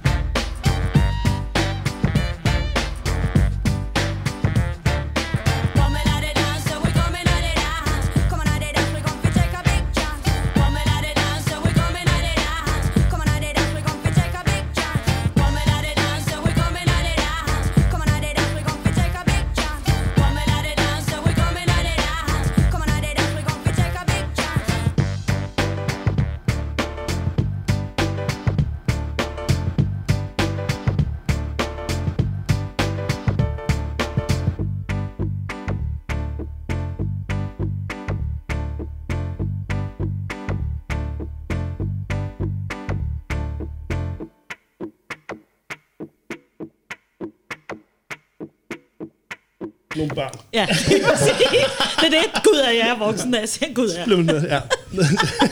Mens, øh, mens vi har fået hældt øh, en, en lille rom i, øh, i glasset. Ja. Øh, Adam, det havde du med. Skål på det. Jamen skål for det. Jeg tænkte, når vi, når vi nu skulle en tur Ja, til skål. Karibien, så, Ja, lige øh, præcis. så skulle vi lige... Det var godt tænkt, Adam. Ja, det tænker jeg også. Og, øh, Lige til, en lille en til halsen. og så fik vi jo hørt Coming Out Dance med øh, No Name Requested. Det her, det var vist nok extended version. Ja, den, lød- den virkede lidt lang. Jo, Ja. ja. ja det var det. Ja. Og øh, produceret af Phase 5 og øh, Jo Akim. Præcis. Og, øh, og havde øh, Philip Knudsen med os på Ja. noget vokal. Ja. Øhm, den kan man finde på YouTube. Det kan man Så nemlig. kan man gå ind og høre den derinde. Ja. Måske også Spotify. Ja. Og øh, hvad skete der med den sang? Fik den noget opmærksomhed, da den kom ud? Ja, det gjorde den. Noget airplay? Ja, i Danmark gjorde den. Mm. Det gjorde den. Det gjorde den. Stadig meget undergrund. Altså, det var det. Altså, mm. vi blev aldrig sådan overgrund, hvis man kan sige det sådan. Men, men, men øh, jo, vi fik en øh, opmærksomhed på den måde, ja. Og, og den øh, videoen til den blev skudt i London, og der fik vi også lidt opmærksomhed, kom også ud og optræde lidt der. Mm. Øhm, jo, Som jeg sagde før, jeg, jeg tror, jeg har set jer på sådan noget ungdoms-tv. Ikke? Ja, Med ja, ja, Colors ja. of My Mind og Præcis. sådan noget på DR. Mm. Jeg ved ikke, hvad det hed dengang, om det allerede hed Ramachan. Eller ja, nej, eller, jeg tror transit, men jo, Ja, vi, vi var sådan ungdoms-tv. Jeg kan huske, Ja. ja. ah, det var de der to piger, der lavede hiphop. Og, nå, ja. og så har jeg også så set jer på staden, tror jeg. Og, og okay, hvor nogle af de der cool, uh, cool kids. og sådan Exactly. Der, ikke? ja. Jo, jo, så, så, så på, altså, den gav og, opmærksomhed. og, ned, og ned med de hårde drenge. Og altid ned med de hårde drenge. men, men jo, altså på den måde, at, at jo, vi lavede et hav af interviews, og vi var også i Norge, og, og hvad hedder det, um, og turnere rundt, og um, ja, vi fik lavet, jo jo, det gav os noget hul igennem. Ja. Ja, det gjorde det. Men, men, men det, står, som vi snakker om før, det stopper jo omkring øh, i, i slut 90'erne, Ja. cirka. Ja. Og så går der nogle år, mm. og øh, øh, I så inde og hører noget dancehall og noget, øh, noget sound i basement. Og der er det som om, Natasha kommer lidt til liv igen. Ja, altså, det, altså i, i, jeg tror i, i min verden i hvert fald, så var der virkelig en ørken inden for reggae-musikken, og ja, altså det var virkelig sådan, man kunne ikke finde, det skal lige, altså jeg synes, det er ret pudsigt, og det kan godt være, at flere har sagt det, da vi startede med at lave reggae og hiphop-musik, så drømte vi om bare en eller anden dag. Tænk, hvis der kunne komme reggae i, i radioen. Tænk, hvis der kunne spille, blive spillet et hiphop-nummer i radioen.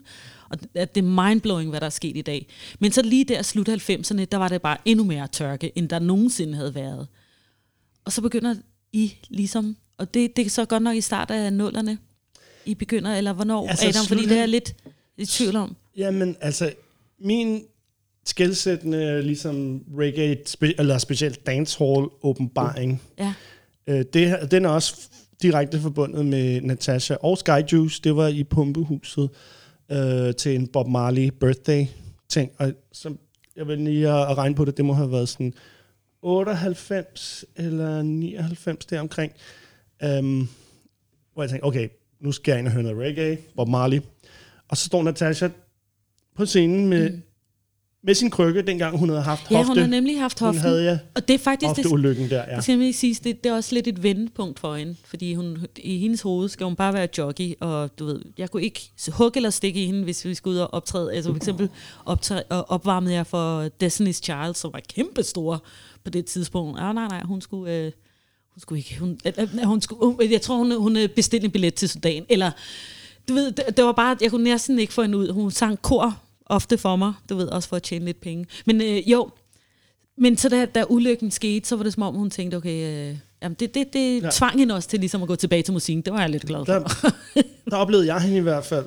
Der, men, og det jeg tror jeg første gang, jeg hørte virkelig dancehall på sådan en kæmpe anlæg. Det ved jeg ikke, der, men det var midt 90'erne, jeg har været ude og gå på opdagelse i techno og hiphop og jungle og alt det her. Ikke? Og man har altid haft den her relation til reggae og Afrika specielt. Ikke? Og så, mm. Da jeg hørte det her jamaikanske dancehall med den her hårde digitale lyd, det er bare sådan, det er techno møder Afrika på en eller anden måde. Ikke? Og så, der var Natasha der tilfældigvis, mm. så hun har altid ligesom været en del af, af mit univers i dancehall i Danmark, og Kornstik var der. Ja, ja, konstigt. Mm. Ikke at forglemme. Ham kan jeg godt huske, ja. Ham skal jeg også have en dag. Kornstik. Helt sikkert. Ja. Er også en legend. Det bliver sjovt. Eller, ja. ja. Anyways, big up Kornstik anyway, er det. Anyway. Og, og så er vi fremme til, til uh, cirka 2005, hvor øh, Øh, tager I til Jamaica der igen? Eller er det først i 2006 til Big Break? Det er i 2005, og, og, og, og det skal lige siges, hun har, hun har jo, lige, hun har jo lavet øh, ting med Big Stock her på det her Det er tidspunkt. rigtigt. Ja, På cigar? på cigar, mm. og, og jeg vil bare lige sige, altså virkelig, virkelig, altså jeg husker virkelig, fordi vi var en klikke piger, der dyrkede hele den der karibiske kultur. Nogle af dem var mere sådan sukkeragtige, men Natasha og jeg var i høj grad det der reggae. Så da I ligesom åbner op nede i basement, så var det som om ilden bare blev tændt under hende. Og, og hun kunne komme op og, og rappe, som hun gjorde i gamle dage, bare komme op og tog mikrofonen Ja, ja. og sådan ting. Men jeg, jeg kan huske, jeg så jer, når jeg så jer, hver gang jeg så hende, og det var midt i festen, det var overhovedet ikke planlagt. Jeg var bare sådan, hey, kom, kom lige, Ja. kom herop. Og så det var helt spontant, og jeg kan huske, jeg kan specielt huske, vi kørte, det var dengang Missy Elliott havde Work It, da, da, da, mm. og vi kørte det der beat. Mm. Og hun lavede, men kørte hun sit patois dancehall ovenpå, og det var bare sådan, det sad bare lige skabet. Mm. Det var så fedt, og alle folk elskede. Det var sådan, vi ramte jo også en eller anden år. Der, der skete et eller andet med reggae lige der Præcis. omkring. Og 2000, som var i Europa også. Det var ikke jo kun os. Altså, jeg, Måske jeg var det Jean Paul også, der... Jean Paul der- var der- lige der- pludselig der øh, på radioen ja. ja. med, med nummer et hit, uh, Get Busy og sådan noget, Ja. ja. og, og øh, øh, den der øh, øh, Fire, Fire Tune, ikke? Men anyway. Um, men det var ligesom kommet før det, var der bygget op, ikke? Altså, jeg, jeg kan også huske min, hvor jeg virkelig begyndte at købe reggae-vinyler. Det var også gennem Hyde Park, at jeg kom gående ned af, ved, øh, ved pladsen, Karl Massens plads på staden, og så, så hørte jeg sådan et beat, hvor jeg bare tænkte, det der, det, er det jungle? Så var det sådan organisk jungle. Øhm, og det var, det var sådan, okay, hvad er det? Så gik jeg op til hans båd, og var sådan, hvad er det der? Så var det lige Perry version af Popcorn, som er et øh, funknummer, James Brown, som er på en af hans opsætters plader. Og det, det er stadig for mig et af de mest sådan, groovy, funky numre, men det var simpelthen nærmest jungle, drum and bass musik, lavet i 70'erne, fordi det var sådan var funk med sådan super synkoperet trommer, og så reggae bass, med den der store bass mixet, og det var bare sådan, wow. Og så begyndte jeg at købe Lee Perry-plader langsomt, og begyndte at købe Roots-plader, så jeg var også i gang, før jeg ligesom opdagede dancehall med at lytte til classic Roots, købe Lee Perry specielt. Hey, hvad, hvad, Og den slags. har jo... Nå, det, altså, vi og vi har, ved. vi har jo været på Jamaica samtidig. Ja, For os kan man lige tanke om. For det, det, det, sagde jeg før, at vi ikke havde været, fordi I var dernede jo. ja. Ja, Ja, ja, ja. mødtes, ja.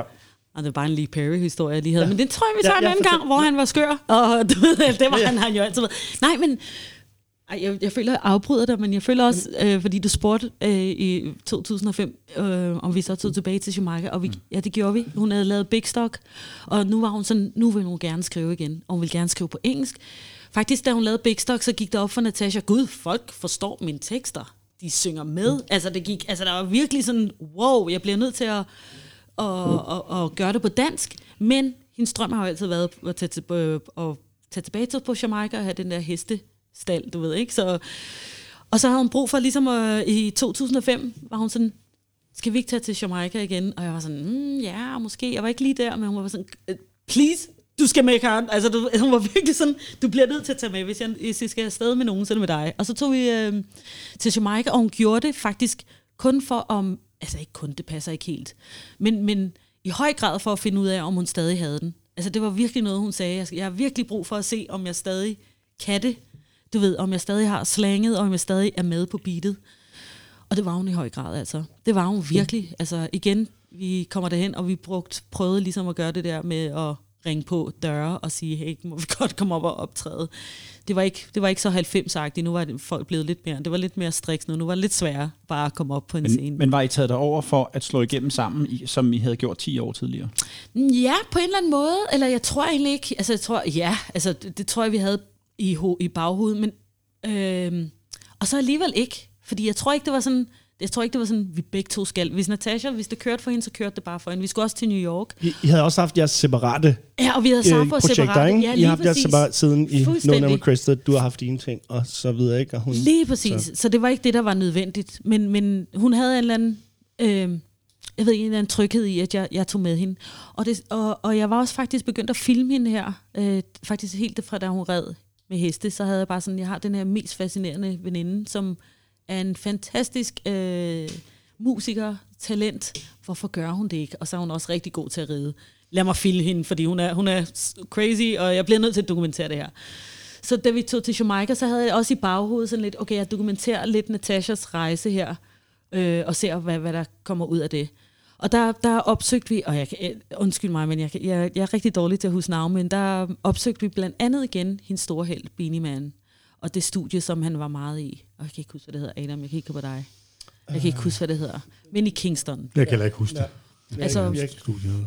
Jamen, hvor, hvor, altså, der var en lang række af unge artister, der, der hæ- hænger ud uden for det her studie, og man skal være heldig for at komme ind, du ved ikke. Og, vi var sådan, og det eneste grund til, at jeg tror, vi kom ind, det var, fordi vi var sådan europæer, og jeg kom med det her kamera, og så lå, så, så det måske lidt professionelt ud, ikke? Øhm, og Natasha var ikke generet for, du ved, hvis vi stod derude, bare vise, hvad hun kunne, og så vidste hun godt på en eller anden måde, at folk skulle nok, du ved, få øje på hende. Så der stimlede så ofte folk rundt om os, sådan for at høre, okay, hvem er du egentlig? Altså, hvor kommer du fra? Hvorfor har jeg aldrig hørt om dig? Så vi kom ind, og så sad vi der og ventede på Binemann, og der var godt gå fem timer, uden at han kom, eller du ved. Øh. Men til gengæld hans producer, som vi nok hed Steve, øh, synes vi var meget cool, og synes, at Natasha skulle, øh, skulle helt sikkert prøve at lave nogle demoer der. Og der lavede vi faktisk også en, øh, vi, noget at indspille nummer, der hedder Mysterious. Øhm, et studie dernede. Og jeg- igen, min navn, og der er sikkert nogen, der siger, det er det, det hedder, Karen. Tænker du ikke kan huske det, men jeg kan ikke huske, hvad studiet hedder overhovedet. Men det er vist nok Stephen. Creek, I møder. Mainstream. Præcis! Ja, Thank you! Det er nemlig Stephen Gregg. yes.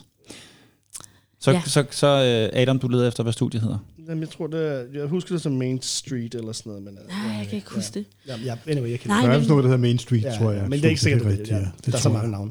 Nej, men vi opsøger en masse studier, og Natasha får sådan en hul igennem, og vi er der hvad, cirka tre uger, og så tager vi til New York, og Natasha er bare sådan, jeg skal bare tilbage, og vi møder... Nej, undskyld, Stephen Gregg er en... Undskyld, Stephen Gregg er... Og nu roder jeg selv rundt i det. Stephen Gregg er en, vi møder gennem en anden ven, som så viser sig at være sådan en advokatagtig type, men har noget med noget radio at gøre. Han er inde i musikken. På det her tidspunkt er han manager for dem, der hedder, jeg har lyst til at sige TikTok, men det hedder de ikke. Dem, der laver, de, de laver, se her totalt. Mit, og de Ja, X, og awesome. de X. nej. hvad er det? Det var tre drenge. 10 okay. 10 okay. 10 10 okay. Ja, TikTok, 10 okay. Det er næsten Ja. TikTok. Ja. 10 okay, ja lige præcis, som er manager for dem. Det, det kom fordi, ja, det, har de ikke sådan nogle dansere? Jamen, det- de, de, de- de danser de også. var sådan nogle dansere, Jeg de havde- også så på 10 okay. Ja, og de havde det sådan en dans, som var meget kendt, og, og lige pludselig skulle alle danse den dans. og hvad hedder det? Øhm, så ham fik, fik vi forbindelse med, og han var bare sådan, Natasha, du bliver nødt til at komme tilbage, og du, prøv at høre, hvis du kan komme et par gange, og du bliver nødt til at være hernede, for at tingene skal ske, du ved, det bliver du bare nødt til, og ja.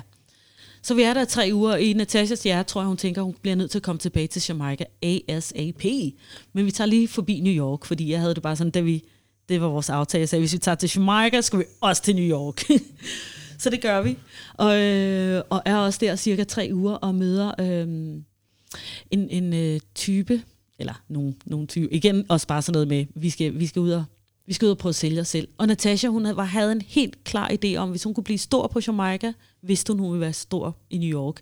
Og i New York havde øh, Beaniemans producer sagt, gå op på det her studie og finde ud af, om, om de vil signe dig, bare sig, hvem du er. Og så tager hun det op, og han- jeg, man kan mærke, de er ikke så interesserede. De er nok vant til, at der kommer rigtig mange, der siger, at de kan noget. Og øh, Natasha kunne ikke rigtig komme ind med hendes charme lige der. Og øh, vi får spillet, vi får, får faktisk et job i Brooklyn, og det er første gang. Vi kommer ned, vi bliver spurgt, om vi vil spille i Brooklyn. Og, så, og Natasha, vi køber tøj, sådan lidt ens tøj. Jeg ved ikke, jeg skulle være lidt hendes korpige, ved. Og vi kommer ned i det her basement, hvor øh, folk har den vildeste fest. Og ham her, der siger, I skal bare spille. Vi, og vi kan godt mærke, at måske er det ikke lige her, vi skal spille, eller du ved, fordi festen, det er en helt anden fest. Det er ikke, de regner ikke med, at vi skal spille nogen steder. Men ham her, han insisterer på og siger til DJ'en, vi skal bare have de her på, du ved, på, på, op på pulten, og så spiller vi, og så bliver Natasha faktisk buet ud. Det er første gang i mit liv, jeg oplever, Wow. Natasha bliver buet, og hun bliver enormt ked af det, og hun skiller dem derud bagefter. Hun siger, I have never been booed before, og jeg sagde til jer, at vi ikke skulle op på den her... Øh. Men hvorfor? Er det fordi, det er den forkerte crowd? Eller Jeg tror, det var den De, øh, forkerte en cl- anden- crowd. Er det Det en var midt- slags musik? øh, Der, Det var midt i? Brooklyn, men altså, Brooklyn, Ja, det er jo ja, også meget dancehall-agtigt, men Ja. det var bare ikke, det var bare ikke den aften. Altså, du ved, USA kan også godt være et, et hårdt sted nogle Ja. gange. Altså, den du sagde før, på Jamaica er hun mm. eksotisk og spændende. præcis, præcis. Der er hun, man kan godt se, at hun ser anderledes ud. Hun lyder anderledes, men hun kan patra og så videre. Der, der var hun ligesom noget specielt. Præcis. Og øh, der, har- den, er der har det ikke, måske ikke det samme i New York. Nej. Selvom hun, hun også, jeg ved, I havde stor, fik stor respekt og kærlighed Ja, ja, ja. i New York af nogle hiphopper, men lige mm. præcis i Brooklyn har jeg selv oplevet, Jamen, der var de at, så ligeglade. at, altså, at sådan nogle lidt hårde vibes, hvis du kom gående med en sort pige eller et eller andet, så Ja. var det bare sådan lidt... Øh, du og ved, mikrofonen du ved, var... det kan, ja. det kan, ja. Ja. Det, kan, det kunne bare være en forkert dag. Jamen, det var en forkert dag, og, og mikrofonlyden var ikke særlig god, så hun kom måske heller ikke klart. igen. Altså, du, de kunne ikke rigtig høre hende eller mærke hende. Og prøv at høre, altså, der, der findes mange af hendes typer, selvom det kan vi måske være enige om, der findes ikke så mange af Natasha. Ja, det synes jeg i hvert fald. Men jo, altså du ved, Hun er nu, hun er nu unik, ikke? men man Hun- kan også godt høre, ja. at hun er ikke jamaikaner. Hvis man virkelig Ja. ja. kender Jamaica, man kan godt høre, Ja. ja. at hun har sin egen twist. Hun kan partout og alt det der. nemlig, Ting. Og nemlig. det synes, det synes de måske er spændende på Jamaica. Ja, Men måske andre i, i USA, lige, lige der, så var det måske... ja, så var det ikke. Og, og på det tidspunkt kan jeg huske, at Kim havde uh, Put Your Lighters Up, som var et kæmpe hit, og det var bare sådan, nej, altså, nej, de synes bare ikke, hun var spændende. Så hun blev budet, og hun var enormt ked af det. Men hun fik jo senere et kæmpe hit i USA og hele verden. Oh my huske, god, altså hun fik Som så kommer til. meget Det en revival. Ja, ja. Men på den her tur, så, så ham her, der havde taget os med ned i basement, han siger, her, I får en håndfuld instrumenter, tag, tag med hjem til København. Hvis I kan gøre noget ved det, så indspil det, og så send det løbende til os. Vi synes, I er spændende. Fordi jeg, jeg tænkte også, jeg vil også prøve at pushe mine ting, så vi synes, I er spændende, siger de. Og i den her pulje er der Pon the Replay, som Ri- Rihanna har et hit med, en instrumental, og den indspiller Natasha en dansk version, som egentlig får noget love her i Danmark også. Jeg kan huske, den bliver spillet i radioen en gang imellem. Øh, men der var hun sådan, okay, jeg Så bliver... det var, det, var, det var dem, der havde lavet... de havde ikke lavet rytmen, rytmen det var, de havde bare strippet den, altså Ja, ja, et eller andet ja. sted fra. Men de sagde, "Lav noget på den her." Lav Ja. noget på den Okay, her. ja. Og så kommer hun hjem og får den her gode idé, hvis jeg prøver at gøre det på dansk. Og det gør hun så, og det er en genial idé, fordi øh, ja, folk faldt for den. Og så tror jeg også, der, det gav hende også et boost i, okay, jeg bliver nødt til at gøre det her på dansk, fordi nu er jeg her, folk forstår, hvad jeg siger. I gotta do this. Mm. Og Big Stock var gået, Og Big Stock, var altså. gået national der, ikke? Big Stock er jo, ja, altså. Big Hvor hun jo var med på det, sjovt nok. Hun var da- nemlig på Cigar, ikke? Lige præcis, lige præcis. Som, ja, det var, som blev, et kæmpe hit og så videre. jeg vil ikke? nok sige, det er nok Big Stock først og fremmest, der ligesom ja. har givet hende det der boost. Men 100% også Jeg kan huske, at vi havde farfar inden, der sagde han, at hun ikke, umiddelbart var Natasha ikke ret meget for at, gøre, for at lave det på dansk. Hun var meget imod det. Hun synes, det lød sådan lidt forkert nærmest. Ikke? Men Ja. man blev så overbevist via Big Stock, ikke? som vi sagde. Lige præcis. Ja, ja. Og jeg tror, Det, det, det der var en med, god idé. Ja, ja. det der med, at hun kunne høre, at folk forstod hendes tekster, det var virkelig med til at... Ja. Og, og, ja, Der er, der er jo flere folk i Danmark, der forstår dansk, end jeg tror. Lige Ja, præcis. trods alt. absolut, absolut. På, øhm, på YouTube, der kan man finde en sådan en lille dokumentarserie omkring den her talentkonkurrence, som Natasha er med i, som hedder Big Break. Ja. Eller den hedder Red Stripe, Irie FM, mm. Big Break. Mm. Ja. Øhm, kan du ikke prøve at fortælle lidt om, om, om, den, proces- om, om den tid, da hun deltog i, øh, i Big Break? Ja. Som hun jo ender med at vinde. Ja, lige præcis. Og jeg vil sige, jeg var der jo ikke øh, der i 2006, fordi jeg havde et job inde i tivoli en, som jeg nogle gange... Det var super fedt, og jeg blev, fik penge ud af det, men jeg bander det nogle gange langt væk. For jeg skulle da have været med på Jamaica og været med i den rejse. Men, men det, det, ham der, Stephen Gregg, han skriver til hende omkring januar 2006 og siger, prøv at høre, der er den her der er den her konkurrence, jeg synes, du skulle prøve at, at være med i den, og jeg kan huske, hun tænker, øh, skal jeg gøre det, skal jeg ikke gøre det, nu gør jeg det bare. Så sender hun nogle demoer ned, og regner faktisk ikke rigtigt med det, men hun tænker, det er en god chance. Det tror jeg også bare som musiker, hvis man vil noget, så skal man tage nogle chancer her i livet, og det gjorde hun. Øhm, og så blev hun sådan helt overrasket. Øh, jeg tror allerede, det var i marts eller sådan noget. Det gik i hvert fald ret hurtigt. Okay, du er med i konkurrencen. Hvis du skal være med, så skal du komme ned. Og så tog hun ned, måske allerede første gang i april. Jeg kan ikke huske, hvordan, men det var sådan noget, altså det var sådan noget nærmest, hun fik det at vide, ugen efter skulle hun til Jamaica for ligesom at være med. Og så gik det over stok og sten derfra, fordi samtidig med, at hun prøver at lave, altså hun var begyndt at lave sit album herhjemme, så var hun også enormt fokuseret på, at det var Jamaica, og nu endelig var måske den drøm, hun altid havde drømt om, til hun var 13, måske ved at gå i opfyldelse, hvis hun kunne vinde den her konkurrence her. Men vil hun, vil hun ikke kombinere det her med at være øh, jockey og have en sangkarriere på Jamaica? Jo, det ville hun, men altså, det, det er måske noget, der måske især de sidste år blev mere og mere sådan, det er det, jeg gerne vil. Måske var det mere sådan hobby-drøm i virkeligheden. Men altså, jeg tror, hun kunne se, okay, det kunne godt blive en realitet. Især da hun sådan ligesom med Big Break, og, og ja, og 2005 også selvfølgelig, men ellers har det måske mere været sådan en tanke, hun har leget med, og sådan, Altså, hvis, ja, sjovt nok, hvis hun des, havde levet videre, ja, uh, inshallah og alt det der, så havde det jo været en mulighed. Så havde hun jo Så havde kunne leve jo- af det, ikke? Så havde hun Ja. et verdenshit, og hun skulle lave et nummer med Sean Paul øh, en uge efter ulykken og alt det der, ikke? Og øh, Calabria gik øh, nummer et US Dance Chart og blev et kæmpe hit i hele verden, og hendes musik blev et kæmpe hit i Danmark, så Ja. det var jo en mulighed, det, altså, det var jo, det havde været en mulighed. Det var en mulighed, ikke? Det var en mulighed. Big, ja. Big Break er jo, som jeg opfatter det i hvert fald, et sådan lidt, lidt eller X-faktor. Altså Ja. sådan, e- med emili- øh, elimineringsrunder, Ja. og så er der 5-6 stykker tilbage til sidst, som optræder, og så bliver der udråbt en vinder. Ja. Og det var så Natasha. ja og det, Men, tro- men, det, men det er lidt mere Ja. med publikums interaction, sådan lidt mere... Øh, så vil, jeg har Ligesom kun, til Clash, Ligesom til eksempel. Clash, ja. Ja, ja. Det er ligesom, hvem der huger mest, yes. og så er der nogle dommer, der står og, og, og ligesom fornemmer, okay, hun, de fik flest forward, så det er også dommerne, der bestemmer, men publikum har også altså et rigtig live publikum, ikke kun et tv-publikum. Ja. De er ude og optræde for rigtige mennesker, ikke? så det er sådan lidt X-Factor møder Soundclash-agtigt. Mm. Og det tror jeg faktisk var en kæmpe fordel for Natasha, det der med, at der var et live publikum, fordi altså når man så hende live, altså det var, altså det var, det, var, det slog bare gnister rundt om hende. Så det der med, jeg tror helt sikkert, hun har fået kæmpe forwards, bare, du ved, altså, Altså, jeg tror, det var, jeg, jeg tror bare, det var en, en stor, stor, stor fordel for hende. Og hun var, ikke fordi hun var dårlig på tv, men det der med at opleve hende live, det var bare noget, der, altså det var bare, no doubt about it, you are somebody special, på en eller anden måde. Øhm, og jeg tror faktisk, det kom lidt bag på hende, at det var sådan lidt reality-agtigt, at man skulle følge hende så meget der. Fordi det kom hun også hjem til Gud, altså jeg må hellere, du ved, altså hun var ikke sådan en, der gik op i styling på den måde, eller du ved, ligesom man måske skal gøre, hvis man er sådan, vil gerne vil være popstjerne og virkelig sælge sig selv. Og selvfølgelig vil hun gerne se godt ud af alt det der, men hun var også bare, du ved, hey, hvis hun kunne tage en amerikansk fodboldtrøje på og gå rundt med den, så havde hun også lyst til det. Så, så jeg kan huske, hun kom hjem, og gik hun enormt meget op i en, det tøj, hun skulle på, og negle og alt muligt, og, fordi hun skulle se godt ud. Men hun, var også, hun følte sig meget særlig, fordi der var ikke særlig mange øh, udlændinge, der var med i den konkurrence. Jeg tror, det var hende, og måske nogle, der var en pige fra Hawaii, ved jeg. Nej, og så en eller anden hvid dude fra Canada, som var sådan meget roots, culture-agtig, Ja, whitey, med al respekt for det, ikke? Sad og spillede ja. på en akustisk Ja, guitar. lige præcis. Ja, Ikke? Så hun var den mest... Hun var sådan rimelig dancehall ja, i det, ikke? lige præcis. Og hvis vi skal springe frem til, mm. til, eller, til finalen i, mm. uh, ude i Portmore, så jeg kan ikke lige huske, hvem der har fortalt mig det, om det var Kevin Iceberg, som Ja. var dommer, Nå, ja, som jeg siden ja. lærte at kende, fordi jeg Ja. boede i hans fars yard i Kingston, men det kommer vi til. Han var jo dommer mm. på den. Og jeg ved ikke, om det var ham, der sagde det, eller en anden, der sagde, det kan du måske byde ind med, men der var en, der sagde, okay, nu optræder vi i Portmore, du skal huske at big up de her områder, Ja. dunk, dunk, dunk, dunk. Lige præcis.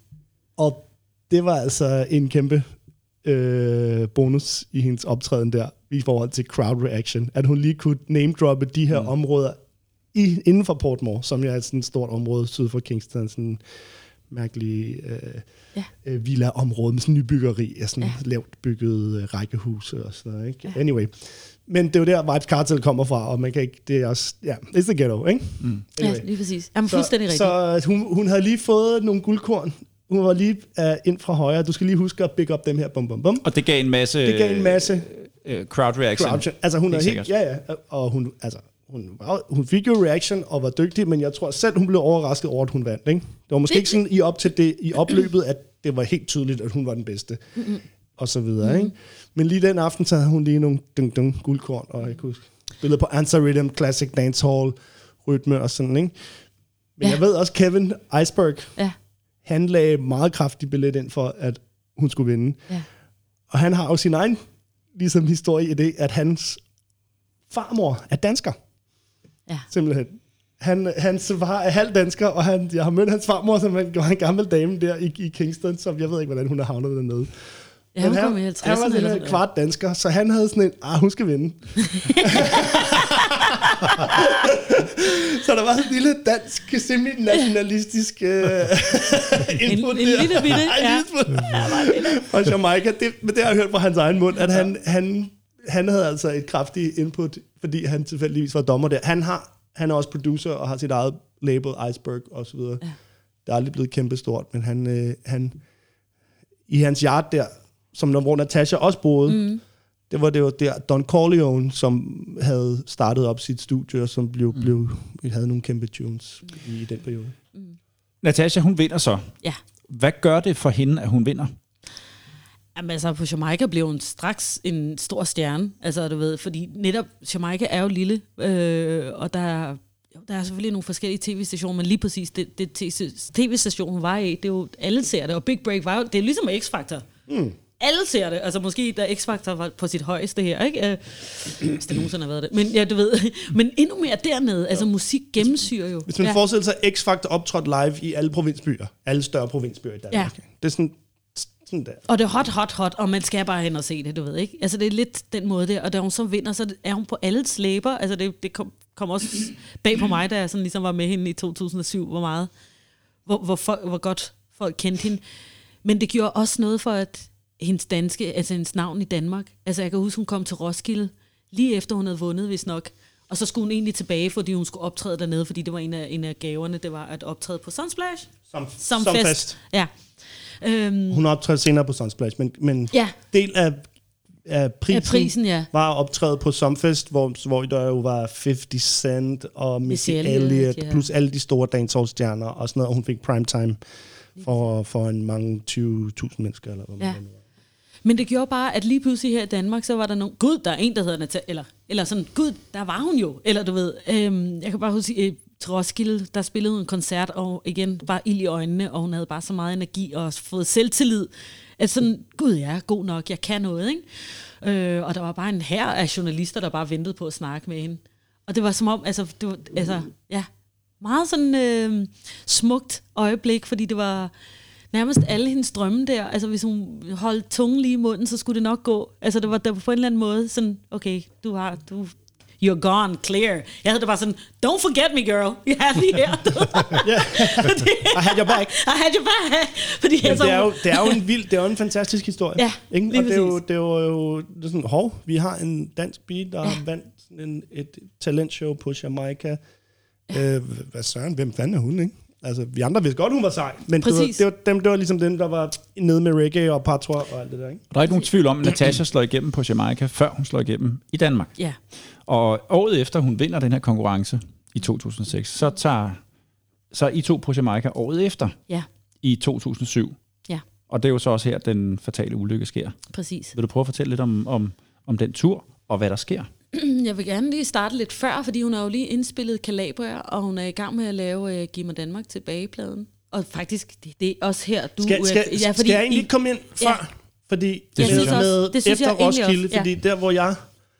Min historie med Natasha på Jamaica, det starter der i 2006. Præcis hvor jeg øh, på en måde, jeg har, jeg har lidt trukket stikket fra København og været i Nepal, og jeg, skal, jeg har også lavet reggae-musik derude, og sådan, man ligesom, ja, jeg skulle, jeg skulle nok lige prøve noget andet end København og, og fester hele tiden. det var sjovt. Men anyways, så jeg havde været i Nepal og studeret tibetansk og lavet reggae-musik, og, og der var et lille reggae-miljø derude også. Men anyway, havde et lille studie derude. Ja, det er en anden historie. Men så kom jeg hjem, og øhm, så havde Natasha vundet det der øh, show på Jamaica. Jeg var sådan, hun var kommet hjem for at optræde på Roskilde, og så ringede jeg til hende og var sådan, wow, tillykke. Altså, hvad er det bare vildt og sejt. Og, mm. så, jeg havde hendes nummer, så jeg ringede bare og sagde tillykke. Mm. Så var hun sådan, hey, jamen fedt, men altså, kom med til Jamaica. Og det tror jeg, hun har sagt til alle hendes venner. Mm. Mm. Øhm, men lige der, der havde jeg lige i Nepal og sparet op, og jeg havde penge til, til det, så jeg var bare sådan, "Nå, okay, fint nok. Øhm, det skal du ikke sige to gange. Øh, og så, jeg har også filmet før mm. noget forskelligt fri underuddannelse, og fra jeg var barn har jeg også leget med videokamera og sådan noget. Så øhm, i Afrika blandt andet. Mm. Øhm, ude i bushen. Anyways. Kigger på mig. elefanter og næsehorn og alt, alt sådan noget der i Zimbabwe. Men anyway, øhm, så, så lånte jeg et videokamera af en ven, som havde sådan et okay kamera. Øhm, og så, ja, så købte jeg en billet og tog afsted til Jamaica, hvor hun allerede var der. Jeg, jeg kan ikke engang huske, at jeg nåede at møde hende før. øh, Hun, der, der, hun var her bare lige sådan lynhurtigt og Ja, skulle, hun, hun skulle direkte tilbage igen. Roskilde Festival, og Ja. så skulle hun i virkeligheden tilbage. Ja. Så tog jeg jo ned og mødte hende der, og vi havde måske lige hilst på hinanden herhjemme en enkelt gang, men du ved, vi havde nærmest ikke set hinanden i et år, eller... Og du, ved, før det, så så vi jo hinanden mest i byen, du ved ikke. til events og rub up og alt sådan noget der, og hey og yo og big up og alt det der, ikke?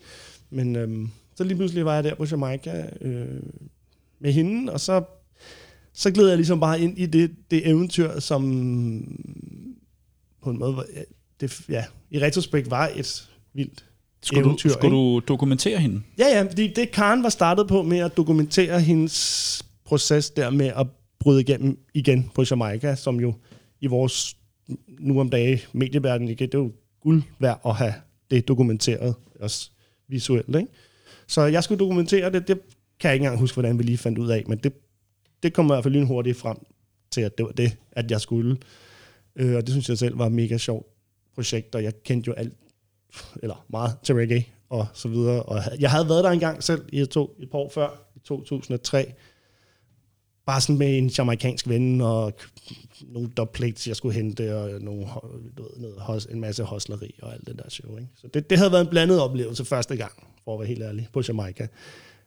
Nogle gode oplevelser, og så også en masse dodgy shit, ikke? anyway. Men øhm, så kommer vi ned til Natasha der, og møder hende op på Sandhurst, og, og så, så starter det bare med, at vi skal hen og øve. Øhm, I sådan øver op til Somfest, tror jeg var noget af det første, ja. Vi skulle. Og så, sådan, og så, ja, så er der de her dansere, hun har blandt andet Taekwon Ja. og Barnes, de her lidt unge drenge, som hun havde mødt op på hotellet, som var sådan nogle øh, prospect dancehall stjerner i, i Kingston, så kan man jo blive en stjerne af at være en danser. Ikke? Hvis man kommer til dancehall-festerne, så kan man på en måde få et navn, eller det, det er på en måde en identitet, du ved. Du kan blive danser mm. i dancehall-verdenen, som jo er en sådan ret lille verden. Altså Kingston er jo mindre end København, skal man huske på. Ikke? Så fylder dancehall så lidt mere, kan man sige, proportionelt, men for at sige alt, ikke? Absolut. og reggae. øh, men øh, som i alle forsider handler om noget med dancehall-stjerner og sådan noget, ikke? Altså, på tabloidaviser og den slags. Ikke? Men anyways, så, så der er der en vis status i at være sådan en dancehall-danser. Det var de her drenge, ja. ligesom, det var deres drøm, kan jeg huske. Det var ligesom, nærmest før de ville være rapper eller, eller DJ's, mm. sangere, så ville de være dansere. Mm. Fordi det var der sådan på en eller anden måde en vis status i, i ghettoen, ikke? Så øh, Taekwondo er så senere blevet DJ også, og har lavet sine egne numre, og så videre, så videre. Men, og ligesom mange dansere siden er blevet DJ's, men det er sådan en anden måde, det starter med det for mange i, i, i det der. Anyway, så, så kom vi til den her øver, og de sådan havde snakket om Movado, Movado. Du ved ikke, jeg var sådan lidt, uh, Movado, who is Movado? Du ved ikke, hvem er Movado? Du ved, han var lige bustet, bustet big time der. Man hørte hans nummer over det hele. Øhm, og i retrospekt, så det var, var det rimelig stort. Altså, han stod og øvede før os, ikke? Så kom vi ind i det her øvelokale, og jeg har det på film også. Jeg genså det lige for nylig, fordi vi... Ja, Ja, vi, ja. Vi havde, der, har været, ja, der var nogen, der var interesseret i at lave noget med Natasha, så vi har lige siddet og genset en masse Ja. ting, så vi har lige fået genopfrisket Yes. øh, hukommelsen. Men der, det var lige pludselig stod man der i sådan en lille øvelokale med Movado og Natasha.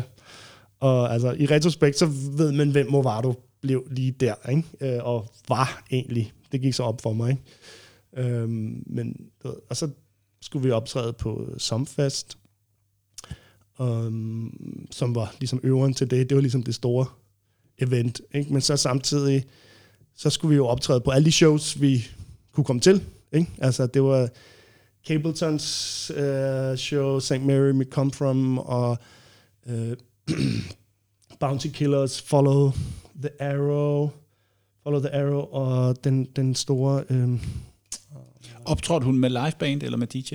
Ja, på Somfest var det med liveband. Øhm, og ellers var det med DJ, men altså, hun nåede også at, Så det var lidt forskelligt. Øhm, de, kunne altid, de kunne altid lige lige at answer Rhythm jo, og sådan noget, ikke? Men jeg kan huske, det der band, de var... Det var, lidt, de var, det var sådan lidt en blandet oplevelse, det der backing band, fordi de var sådan lidt... Okay, det kører også hurtigt dernede, ikke? De var bare sådan, øh, vi har 20 minutter til din øver. Hun var sådan, okay, kan vi ikke lige prøve det en gang til? Det var sådan, ah, det er fint nok. Mm. Ikke? Altså, de var, de, skulle, de var sådan et band, der er backing band for alle de her store stjerner. Ja. Og de havde travlt. Ikke? Så det var, det, det var sådan lidt en stresset situation for hende, hvor hun ikke helt følte sig måske øh, nurtured lige der. Vel? Og, så, og da det endelig var blev på, så var det, blev det lidt hurtigt nummeret, og så videre. Øhm, Calabria, Ja. nummeret. Ja, som hun havde. Som, som, skal, jeg, skal jeg snakke lidt om det? Calabria-nummeret? I, i, det, det, altså, vi skal jo høre det senere, kan jeg afsløre. Ja, ja. Øhm, så jeg tænker, vi tager den der øhm, med, med Calabria-nummeret.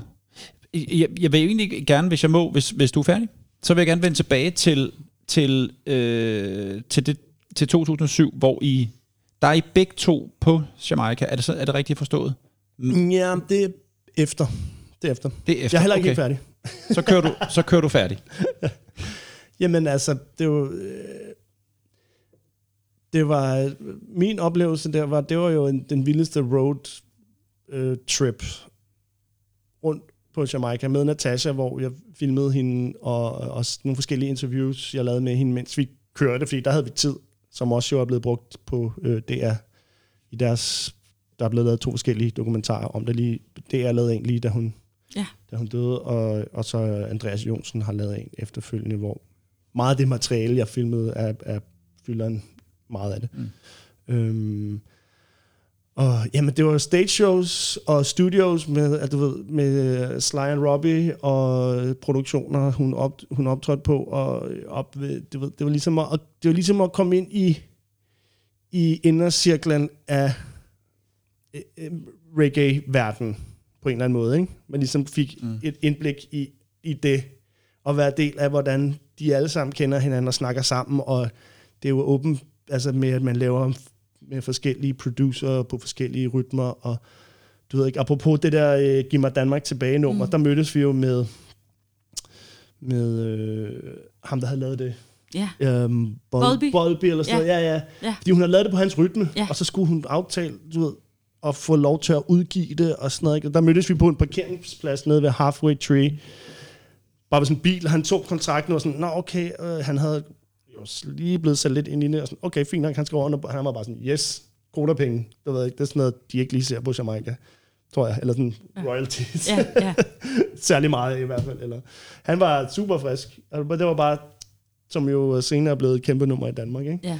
Øh, at han lige, det var, det var sådan nogle ting der, som Men jeg vi kan var sige, at til. Bonus ikke? han har nok ikke fået så mange kodapenge, fordi øh, dem, der oprindeligt lavede dem, var jo nærmest sådan nogle surfer dudes, øh, Beach Boys og sådan. Okay, De Søgte okay, næsten okay, Natasha for okay. det, så okay, øh, hun nok. har ikke særlig meget ud Okay, er okay, ikke nogen-. Hun får ikke så meget ud af det. De havde lige lavet deres egen uh, remake uh, der på Jamaica. Ja. Nå, anyway. Ja, anyways. Ja, ja. Men, øhm, jamen, al- altså,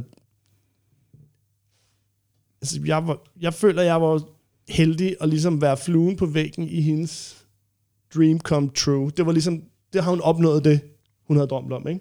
At få succes og genkendelse, recognition. Hun skulle optræde primetime på Somfest øh, ikke? på Jamaica. Hun var blevet kendt dernede. She made it, du ved, ikke? Og senere, øh, den, den, den, den ligesom største, sjoveste historie, vi havde, var med Ninja Man, af en eller anden grund, som havde set hende optræde til et eller andet lille show nede i Ochi, Arias, du ved. Der, nogle gange er der sådan nogle, også nogle, bare sådan nogle små sound system shows, hvor man lige kan komme op og lave noget. Så var han bare sådan, ah, du var ved, og sådan noget. Han ville have hende med, han ville have hende med på Sunsplash. Der, der var, de, ville, de prøvede at revive Sunsplash der, som ellers ikke havde fungeret i nogle år. Det har ligesom været Somfest. Men øh, nu vil de lave Sunsplash, og Beanie Man skulle ligesom slutte showet af. Altså, jeg slutter. Ninja Man. Mm. Og det kan godt være, at Beanie Man er kæmpestor King of the Dancehall, men Ninja Man, han er ligesom... En, han var nærmest the top entertainer. Altså, det man skal huske er, at halvdelen af Dancehall live show er nærmest stand-up. Du ved, eller de er i hvert fald Ninja Mans. Altså, så står han og snakker halvdelen af tiden og lukker lort ud, og folk synes, det er mega grineren. Du ved, det, det er sådan nærmest halvdel, halv stand-up-agtigt. Og folk, han er sådan en karakter, at han er, og han er jo en af de original dancehall don, du ved ikke, første, der begyndte på gun lyrics og alt det madness. Men du ved, det er ligesom, det er bare en realitet på Jamaica, som man ikke kan øh, underkende, ikke? Hele, øh, som en, ja, en helt anden verden. Så han skulle lave det her show, og han ville have en med. Så lige pludselig skulle vi op til Ocho Rias og møde Ninja Man, Der, hvor, hvor vi havde været ma- mange gange med hendes, fordi hendes DJ boede der, uh, Yellow, Yellow Kid, Kid. Yellow Kid, ja, ikke? Så skulle vi mødes i det der plaza, hvor han havde sit lille studie, hvor han ledte af at kopiere CD'er og mixtapes og, og sådan noget der, ikke?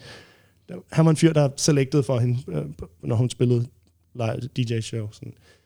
Jamen, så mødtes vi med Ninja Man der på sådan en parkeringsplads, ikke? Og så var han sådan, hvem er de der to fyre? Det var mig og Taekwon, hendes, hendes danser, ikke? Bare sådan, "Jamen, de skal ikke med hjem til mig. Den der. Det er der sådan nogle fyre der. Nej, nej. De, de, altså, du, vi skal snakke sammen, ikke dem der. Så var jeg sådan, øh, er du sikker på det? Er det, er det, er det fint nok? ja, ja, ja, det er Ninja Man. Nå, okay. Nå, men så, så kørte de afsted sammen, og jeg tror, det var rent platonisk. Ja, det tror jeg også. Det tror Lige med ham. og jeg var sådan, er du sikker på det? Det ved jeg ikke. Fint nok. Så næste dag, så kom de tilbage og hentede os så over med en overnattede vi nede i byen. Og sådan, skulle vi have noget morgenmad, du ved, så noget, noget havregrød, eller hvad fanden. Så, så manden i køen til havregrøden, altså alle folk ved, hvem han er, så står han sådan og snakker om, ja, you don't know how much money we kill, og sådan noget, hvor man sådan, okay, vildt nok. Og han stod bag dig i køen. men han det foran, vi står og snakker Foran. sammen. Han står nærmest og blærer sig med, hvor mange folk han, Wow. har- han har skudt og dræbt og sådan noget. Hvor- hvor sådan, okay, det er sådan lidt voldsomt, øh, voldsom, altså, voldsom stil at lægge for dagen. Men det er som, han, Det er ikke den normale samtale, man har i en Nej, nej. til morgenmaden i hvert Nej, fald. nej. Men det var som om, at han prøv, det var også en del af hans image, du ved ikke. Han, han sådan ligesom prøvede at projicere, at han var den her Batman, du ved ikke. Og folk, folk var bare sådan lidt, ja, ja, ja, Ninja Man, du ved ikke. Det, jeg har hørt det. Ja, ja, det var sådan, ja, vi har hørt dig, ikke? Det var bare sådan, vi, vi ved det godt. Eller, ja, ja. Alle, alle folk kender ham, det ved jeg ikke. Så alle Bojamarker ved, hvem han er, ikke? Så han står i køen, skal ligesom projektere det her image, at han er en hård, øh, hård negl og alt det der, ikke? Men altså, som lille dansker, så er man jo sådan rimelig, wow, vild, uh, vild kort lige at smide der i, i, i, i, I i køen til morgenmaden. Ja, lige præcis. Ja. Nå, men så kom vi hjem til ham, og han boede jo sådan relativt ude på landet i et hus, som var sådan relativt simpelt. Altså, jeg, jeg, jeg, tror, at nogle af, ja, nogle af, mange af pengene er nok røget op og til alle børnene og konerne og alt det der. Så du ved, ikke fordi han er sådan vælter sig i, i penge, tror jeg, du ved, selvom han er ninja man. Og sådan er det sikkert reelt nok for mange reggae-artister, undtagen de helt største, ikke? Men anyway. Øhm, det ved jeg, ikke, så, så havde han... Øh, det jeg husker mest var, at han havde kaniner derhjemme, ikke? fordi hunden de bed. Så derhjemme, så, havde han, det, så var han sådan en helt anden blød, øh, blød type, der sad og adede sine kaniner. Du det ved ikke, som om, han ligesom skulle droppe hele det der Batman-image. Når han kom hjem indenfor, skulle han bare sidde og ane kaniner. Og, og være lidt en blød fyr. Ikke? Men, men så skulle vi så skulle vi lige pludselig til Kingston og hente en bil, fordi han skulle ankomme i stil til det der show. Sunsplash. Og øh, så skulle vi jo køre i øh, Natashas bil. Og la- Lejet bil, I måske? lejet bil, ja, som hun havde lejet Bujo Banton. Mm, mm, den der story. præcis. eller andet, eller Bujo Bantons ven, onkel, et eller andet. Ja, lige præcis. Alt det der. Lige præcis. Vilde typer. Anyway, så, øh, så vi lige pludselig, jeg kan ikke huske, hvis bil det var, hvorfor vi gjorde det i to biler, men han havde en bil, der skulle tilbage og hente en, en bedre bil. Og Natasha skulle bare følge med. Så jeg okay, jeg sætter mig lige i bilen og filmer det her. Så, satte jeg, så sad jeg i en bil, og jeg husker det som om, det var vores, men ja, husker ikke detaljerne. Anyway, lige pludselig sidder en bil med Ninja Man, og han kører bare fuld skrue mod Kingston, så hurtigt han overhovedet kan. Og Natasha og Taekwon, de prøver at følge med. Ja. Og det er sådan noget Batman-stil driving, Batman driving, når man bare kører så hurtigt, man overhovedet kan. Altså, der er ikke noget, der hedder øh, traf, traf, trafikregler eller øh, hastighedsgrænser. Det er bare så hurtigt, man overhovedet, altså som fysisk muligt nærmest. Og jeg tænkte, okay, jeg har prøvet det med en gang før med en, hvor han sådan testede mig på min første tur, hvor jeg tænkte, jeg var, jeg var skide bukserne. Men jeg tænkte, okay, nu, okay, det er sådan en tur. Hvis det går galt, så er vi færdige. Det gjorde det så ikke. Heldigvis kunne han godt finde ud af at køre sådan der. Men så kommer vi ind, når vi, da vi så kom ind til Kingston, der var sådan nogle motorveje, hvor han lige pludselig lå over i modsatte bane nærmest, og legede chicken, du ved, ikke? Jeg skulle overhale, hvor folk var bare sådan, jeg tænkte. Lige pludselig var der en, der, over, der pullede os over med sådan noget blinklys, inden sådan en civilpanser, ikke? Så, der, så går Ninja Man ud af bilen, og ci- civilpanseren går ud af bilen mod, og så jeg kan ligesom se i spejlet, at det går op for ham der politimanden, det er Ninja Man. Fuck, fuck, det er ikke så godt. Eller bare sådan, ja, kør lige lidt forsigtigt, ikke? Du må lige... Sådan, okay, så fint nok, så får jeg lov at gå. Der er ikke noget der. Ja. Så ligger kommer ind til Halfway Tree, og han kører rundt i sådan en ghetto og skal hente noget tøj og en bil, og den der fede bil, han skal jo komme i sådan en fed bil, ikke? Og, men folk var sådan, hey Ninja, han ligger og kører ind i Halfway Tree nu, og det var der sådan helt over i modsatte bane. Og folk var sådan, hey Ninja, behave yourself. Du ved ikke, folk kan se det er ham. Du ved ikke, altså, det var sådan helt øh, fuldstændig øh, show. Mm. Ikke? Og så henter vi den der bil, og kører tilbage til Ocho Rias, hvor at den eneste gang, vi boede jo på sådan nogle simple øh, moteller og sådan noget. Det var ikke øh, fancy pansy jo. Vi, altså, hun havde jo ikke jo tjent penge Det hemmeligt. på det show, ikke? Og jeg var der på fuld regn, på min egen regning også, ikke? Det var også budget. Så det, det var den eneste gang, hun havde sådan et, der fik, på grund af det der sunsplash, så fik hun et værelse på, på sådan et all-inclusive, hvor de der artister kunne overnatte, du ved, ikke? Så der fik vi andre også lige sådan en dagsbillet, hvor vi kunne hænge ud der i poolen med gratis drinks. Så. Hvornår er det her? Det, er to, det er 2006 efter Sunsplash, eller efter hun har vundet Big Break, mm. ikke? Okay. Og efter Sumfest, du ved ikke, der kom jo...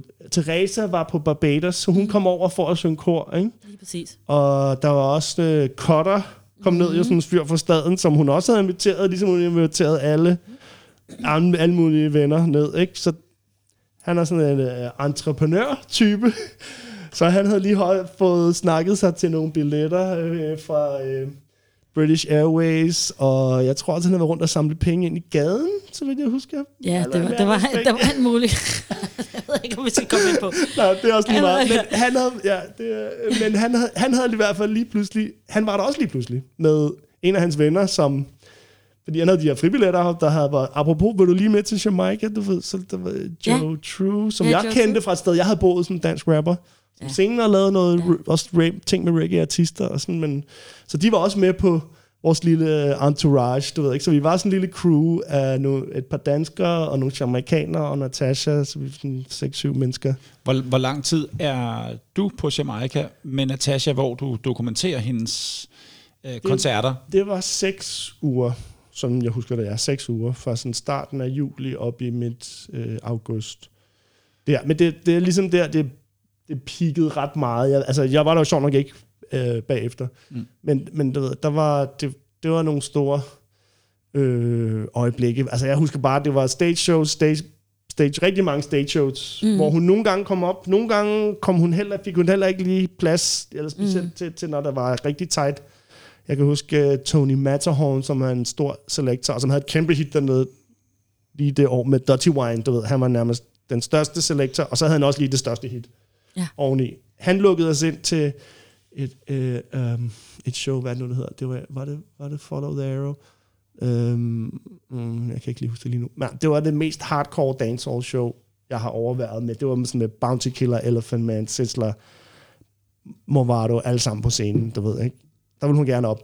Der fik hun altså ikke lige møde sig ind, fordi det var, der stod de og kæmpede om mikrofonen, 30 sekunder hver, ikke? hvor folk begyndte at stå og skyde i luften med pistoler, som fyrværkeri. Ikke? Mm.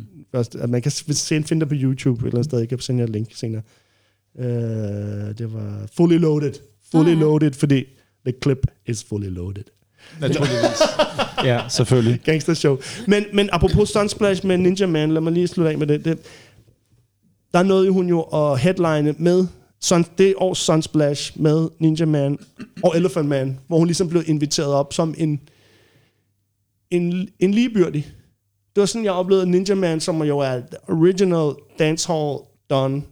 Han ville have hende med op, fordi han syntes, hun var mega fed. Og Elephant Man var der også en rimelig klassisk figur mm. i dancehall. Og det ved, det, man kan finde det også i nogle af de der dokumentarfilm, eller jeg lægger måske også noget på YouTube en af dagen. Men når, det, det piker jo, når solen står op. Vi snakker om klokken 5-6 om morgenen, ikke? Altså, hvor man har stået op hele natten og er ved at falde om, ikke? Men det er der, de synes, det er sjovest. Altså, der står hun, det tror jeg, det var peak moment. Bedre end Somfest, fordi det var sådan lidt mørkt og lidt for fint og lidt for opblæst. Ja, og det var bandet var, for ja, og bandet havde spillet det der nummer Calabria for hurtigt, og de var lidt for ligeglade. Det var bare sådan, whatever.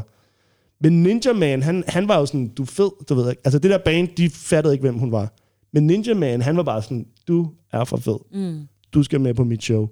Så der stod hun sammen med Ninja Man og Elephant Man på Jamaica i solskinnet der klokken 5-6 om morgenen. Og det var sådan, det, for mig var det sådan the big moment lige der, ikke? Med sådan, Og hvordan tog folk imod hende?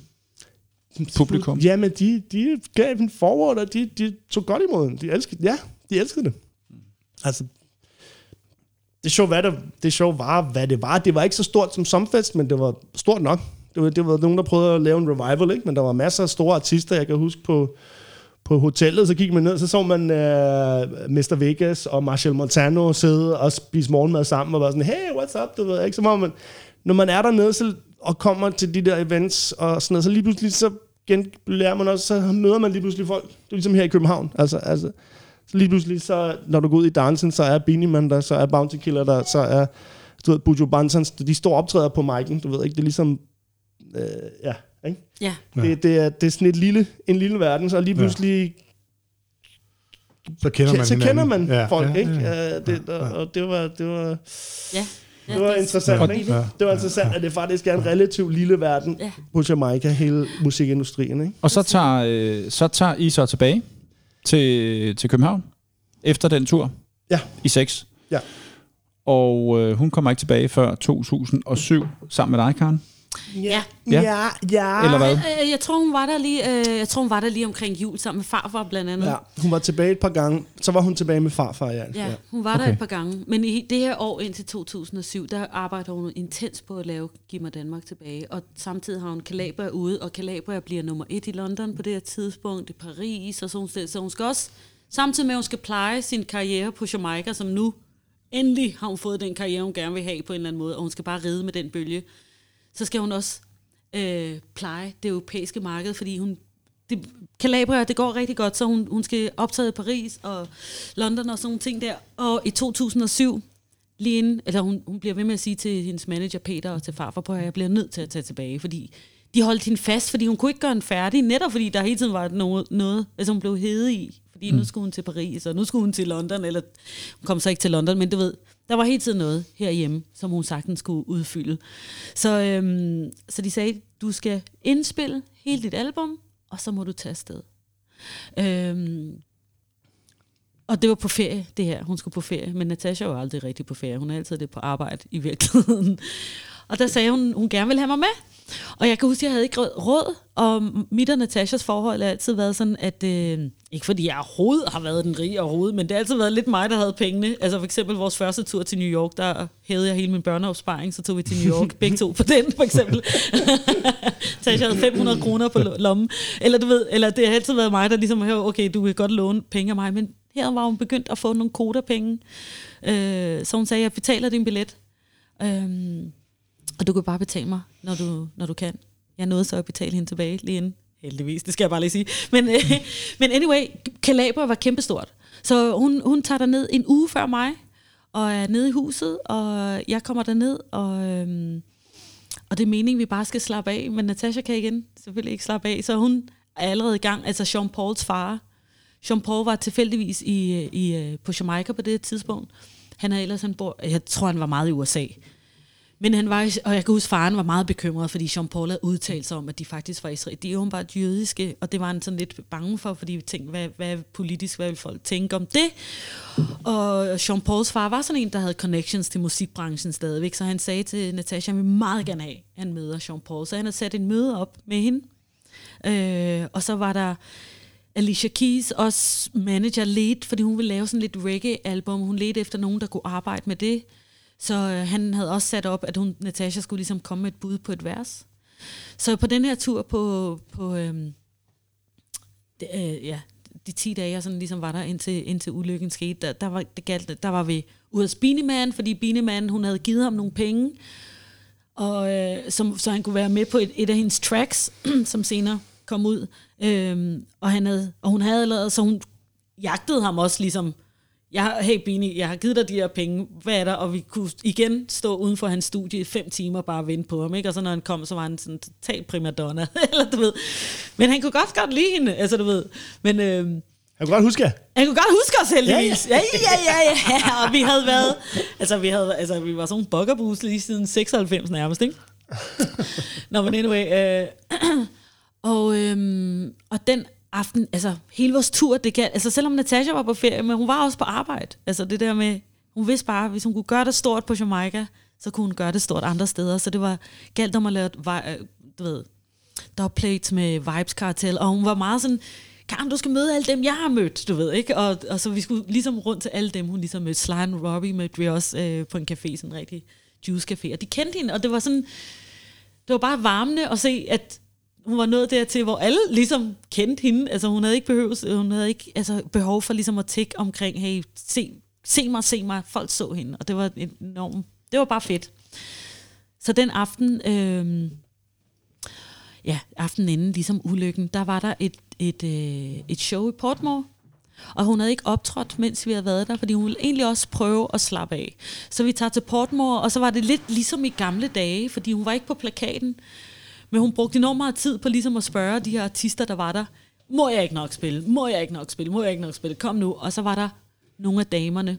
Og jeg synes også, jeg glemmer lige at sige hele den her historie, at, øh, fordi jeg har kun nævnt mændene, Natasha opsøgt også kvinderne i høj grad. Lady Saw var et kæmpe talent for hende, og, eller undskyld, kæmpe ikon for hende. Hun var kæmpe fan. Øh, Øh, spice på det her, Lady G og sådan nogle typer. Så, så dem prøvede vi også at møde, eller, og, og hun fik også hul igennem til dem. Og lige den her aften, der var der en sektion, hvor der var nogle kvinder, der spillede, blandt andet Spice og Lady G og sådan nogle. Og Natasha hun stod, please, du ved, I'm ready, yo, du ved.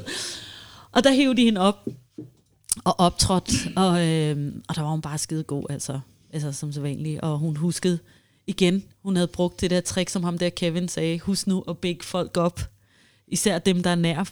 Og der sagde hun bare, big up, fordi det var K Manners, og det, altså, det var en galopbane. Og det var jo der, det samme venue, hvor hun havde vundet det var Big Braid, ikke sandt? Som vidt jeg, så vidt jeg husker det. Det kan godt passe, fordi jeg var, ja, det var nemlig i Portmore. Som vidt jeg husker det, så er det, var det det samme venue, hvor, Hvor hun havde hun havde vundet. vundet The Big Break et år. Det så kan hun godt vidste lige, hvad hun skulle sige til de der folk. Hun vidste for det Ikke? første, hvad hun skulle sige, men oven i det, så biggede hun alle de der galopjockeyer, fordi hun synes det var lidt synd, fordi der var høj musik, og hun vidste, stallene var lige der. Du ved ikke? Øh, Så hun var sådan big up til alle de der galopjockeys, og dem, der passer på hestene, og I skal bare... Blablabla. Og, øhm, og jeg kan huske, da, vi, da hele showet ligesom er færdigt, og, og vi kom over til bilen, så var der en, en fyr, der sagde, der par parrede for en, dig der, du er mega sej. Og ved du hvorfor? Ved du hvorfor? Ved du hvorfor? Så sagde hun, no, I don't know, man. Så sagde han, fordi at du biggede os op, de små. Folk glemmer os, du ved ikke? Folk glemmer os galopjockeys. Jeg synes bare, du er mega sej. Det kan jeg huske, hun var mega stolt af. De små mænd. De små mænd. Og han var nemlig ikke særlig høj. Det er galopjoggers jo ikke. Sjovt nok. ja, og så, øh, og, så, og, så, ja, og så den morgen sker ulykken. Og, øhm, og det var bare mega sørgeligt, altså. Også fordi på den tur, du ved, som jeg sagde, og grund til, at jeg siger det der med Natasha, var altid sådan lidt halvflad. Men den tur kan jeg huske, hun skulle, lige inden det show der faktisk, så skulle hun lige ind i ATM, for ligesom at hæve nogle penge, så vi kunne tage med. Og der var hun bare, Karen, jeg har fået den vildeste koda shake. Altså hun var sådan helt, jeg giver hele aften, du ved ikke? Og du ved, på Jamaica er det sådan, øh, der der var sådan lidt nogle hangarounds, der også var med. Og, og, og det er ikke sådan noget med, altså hvis det skal være lidt fint, så går man på Burger King, eller Fridays, eller sådan noget. Så hun gav til hele det der, du ved, sådan rigtig fast food. Øhm, og hun øh, hævede bare en kæmpe bunke. Altså jeg kunne bare se på en, okay, øh, hun skal nok klare sig. Nu altså, kører det. Nu kører det. Altså, Nu nu, kører kører det. Nu kører det. Hun, var, hun, blev, hun, var nummer, hun fik også et opkald. Hun var nummer et i Miami lige den uge også. Så Med- det hele, med med Calabria. Calabria, undskyld. Ja. Så ja, Ja. med Calabria, lige præcis. Ja.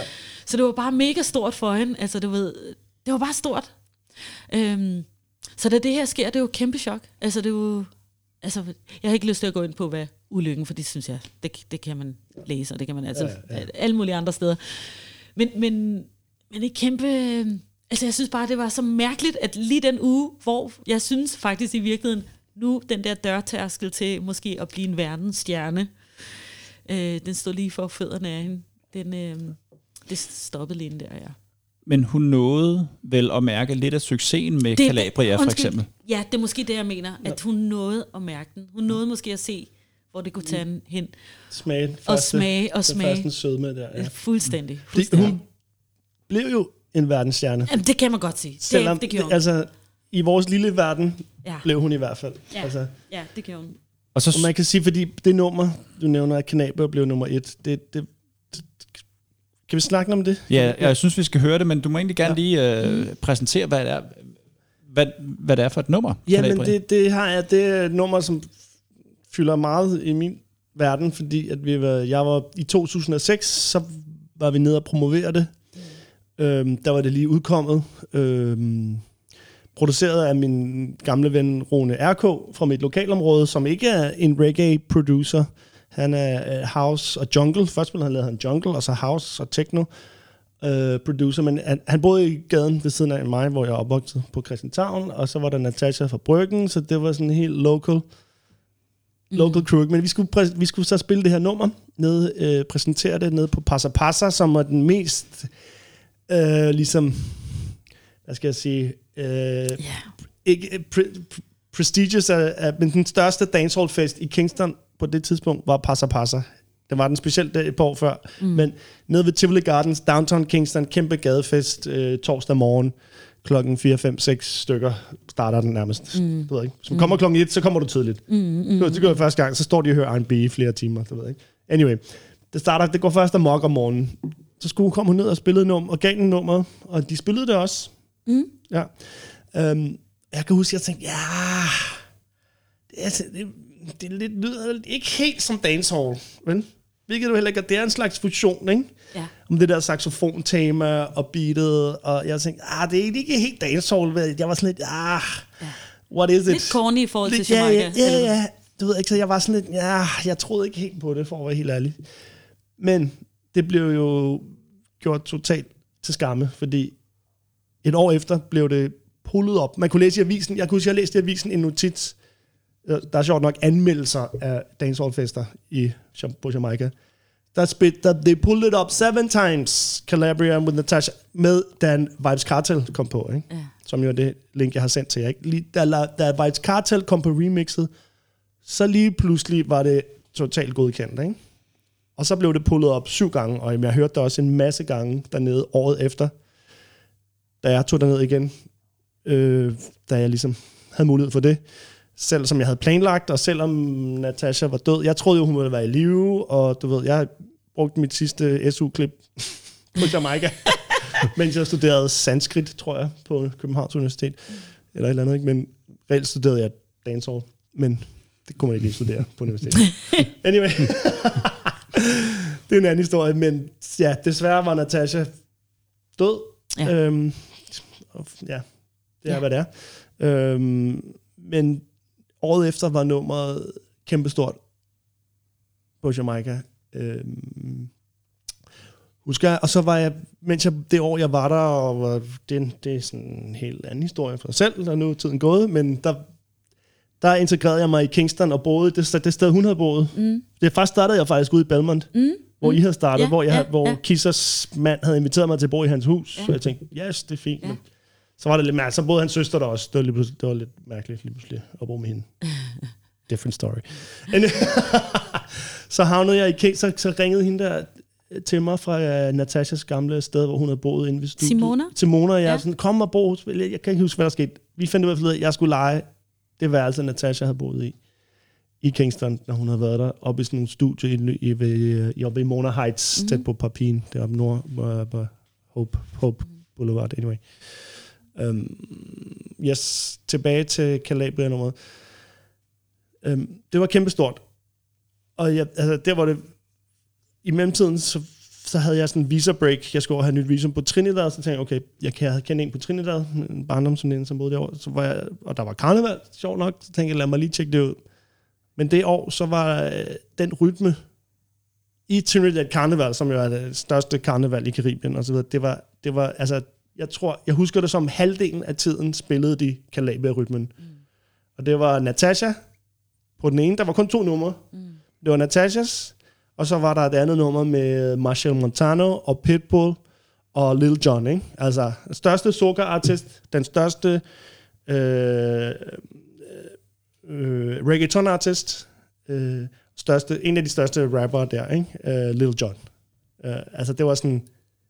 Og så Natasha. Mm.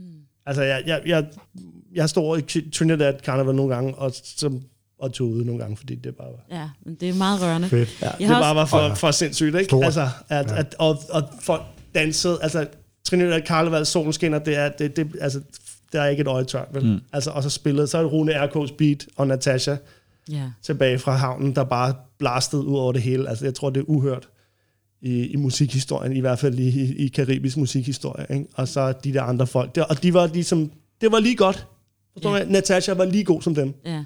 Det var, ikke, det var, det var på det niveau. Ikke? Og, ja. Jeg vil også sige, øh, jeg vil også bare sige, lige efter ulykken, der, hvad hedder det, øh, der, der, hvad hedder det, den første, altså lige efter øh, jeg, jeg fik at vide, at Natasha var gået bort på hospitalet, og det ligesom gik op for mig, det gik jo lang tid, før det gik op for mig i virkeligheden. Men øhm, den første, jeg ligesom mødte efter det, det var Buju Banton, fordi, netop fordi, at de havde lejet bilen derfra.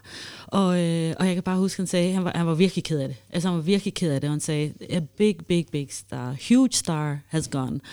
Og du ved, vi har jo altid set op til, til Buju, lige siden han havde Flex, altså i start 90'erne, han var en af vores. Mm. Jeg ved godt, han lavede Boom Bye Bye og alt det der, men altså, godt.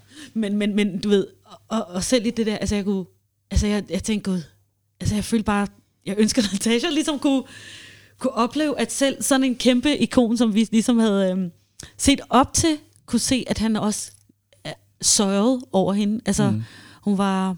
Hun var Anerkendt blevet, hende. Ja, og anerkendt ja. hende, altså, og virkelig anerkendt hende. Altså, det var, Vidste, hvem hun var. Og, vidste fuldstændig, Ja, altså ja. vidste fuldstændig, hun var, og, og, og trøstede mig, og jeg var bare sådan, but she's, altså på en eller anden måde, but she's not gone, på, eller du ved, jo, selvfølgelig var hun gone, men det var, det var stort, og, det, og igen, bare for at sige, at øh, ja, det var bare, bare en stor personlighed, vi har mistet i Natasha. Absolut. Helt, helt sikkert. Og det, det nummer, altså, jeg, det, efter det år, efterfølgende år, så måtte jeg rejse til USA bagefter for at tjene, tjene pengene ind igen. det er sådan en anden historie, men, men du ved, jeg hørte det nummer, da jeg kom til USA, så hørte jeg det i, sådan noget, i supermarkederne. Sådan noget, du ved, supermarkedets pop Ja. musik, ikke? Jeg gik rundt i USA, i Los Angeles, der spillede Calabria. Ja. i et eller andet random supermarked i Inglewood, hvor jeg boede hos min ven fra Trinidad. Ikke? Og så, da jeg rejste derfra, så var jeg nede i Mexico City, der hørte jeg det på Ghetto Blaster. I, i, og i Venezuela havde jeg hørt det, det er sådan nogle øh, lokale landsbyfester. Du ved ikke, det var bare sådan fra latino til Amerika, til dancehall, til soca, Ja. til, til pop, Jamen, det- house, house, altså pop dance. Men ved, man det, var- det var sådan jo- en crossover hit, som, som, jeg, som, som få andre har gjort. Okay, Sean Paul har også haft nogle store numre og sådan noget. Men, men lige sådan genremæssigt, fordi det netop ikke var sådan helt klassisk dancehall, så havde det den her crossover potentiale, som, som ja, der er få andre numre, som har brudt igennem i så mange forskellige mm. genrer på en eller anden måde. Man kendte jo Natasha herhjemme før, også fordi man selv var en del af det her lille reggae-miljø. Mm. Men efter, altså efter Calabria og efter hendes død, der blev hun jo gigantisk stor. Altså hun blev kæmpe, kæmpe stor. Og blev en del af hele, ikke kun det danske reggae, øh, øh, hvad hedder det, miljø, men, men i hele verden. Men i hele verden. Og, og, og som, ligesom dig, jeg har også hørt den på Zanzibar. Jeg kan også synes, jeg gik i New York og hørte, altså du ved, hun er blevet alles.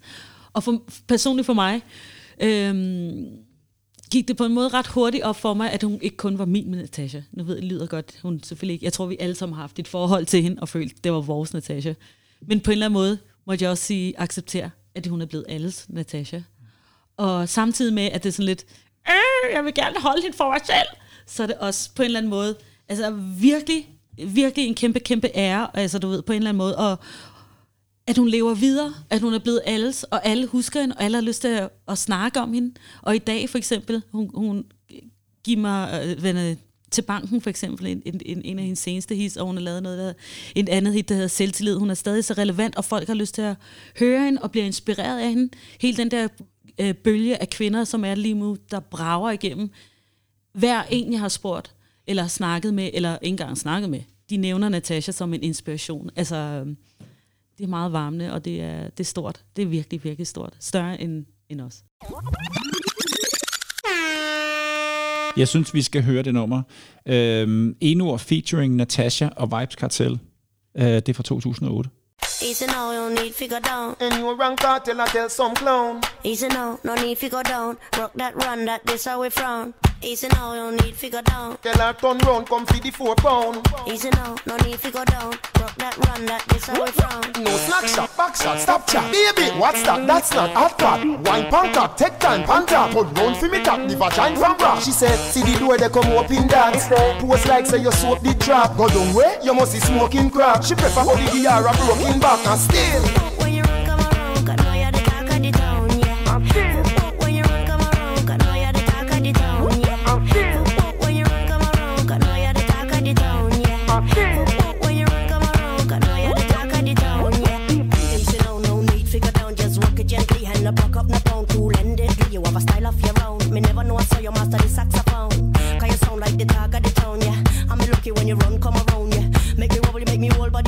me know I say you trouble when you're ready for the double and you hit that note in the middle. Play with it a little.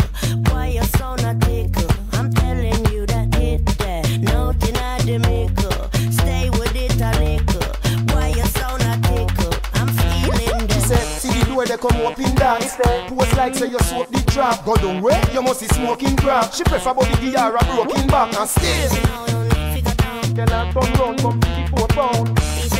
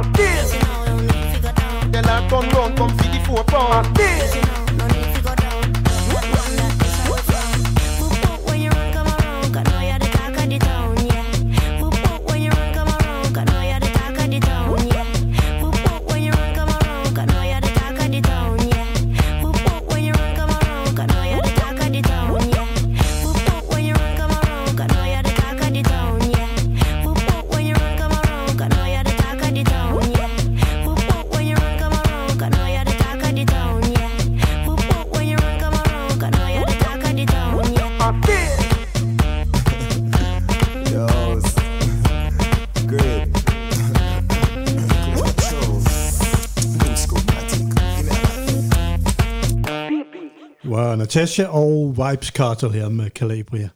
Og øh, Adam, der har øh, du jo en øh, god historie med Rune R.K. omkring det nummer her. Noget med, at han havde en vision eller en drøm. Ja, øh, ja, ja. Jamen, omkring det nummer her. Så, så vidt jeg husker, så vidt jeg husker, øh, jeg, altså, nu kender jeg Rune sig, jeg, jeg tror, jeg hørte det fra hans egen øh, mund, at han, altså det her nummer med det her, det der saxofonloop var et øh, hit på Ibiza et par år før, og det var et house-nummer, et Ibiza house-nummer med ba, ba, ba, ba, Står helt på Ibiza.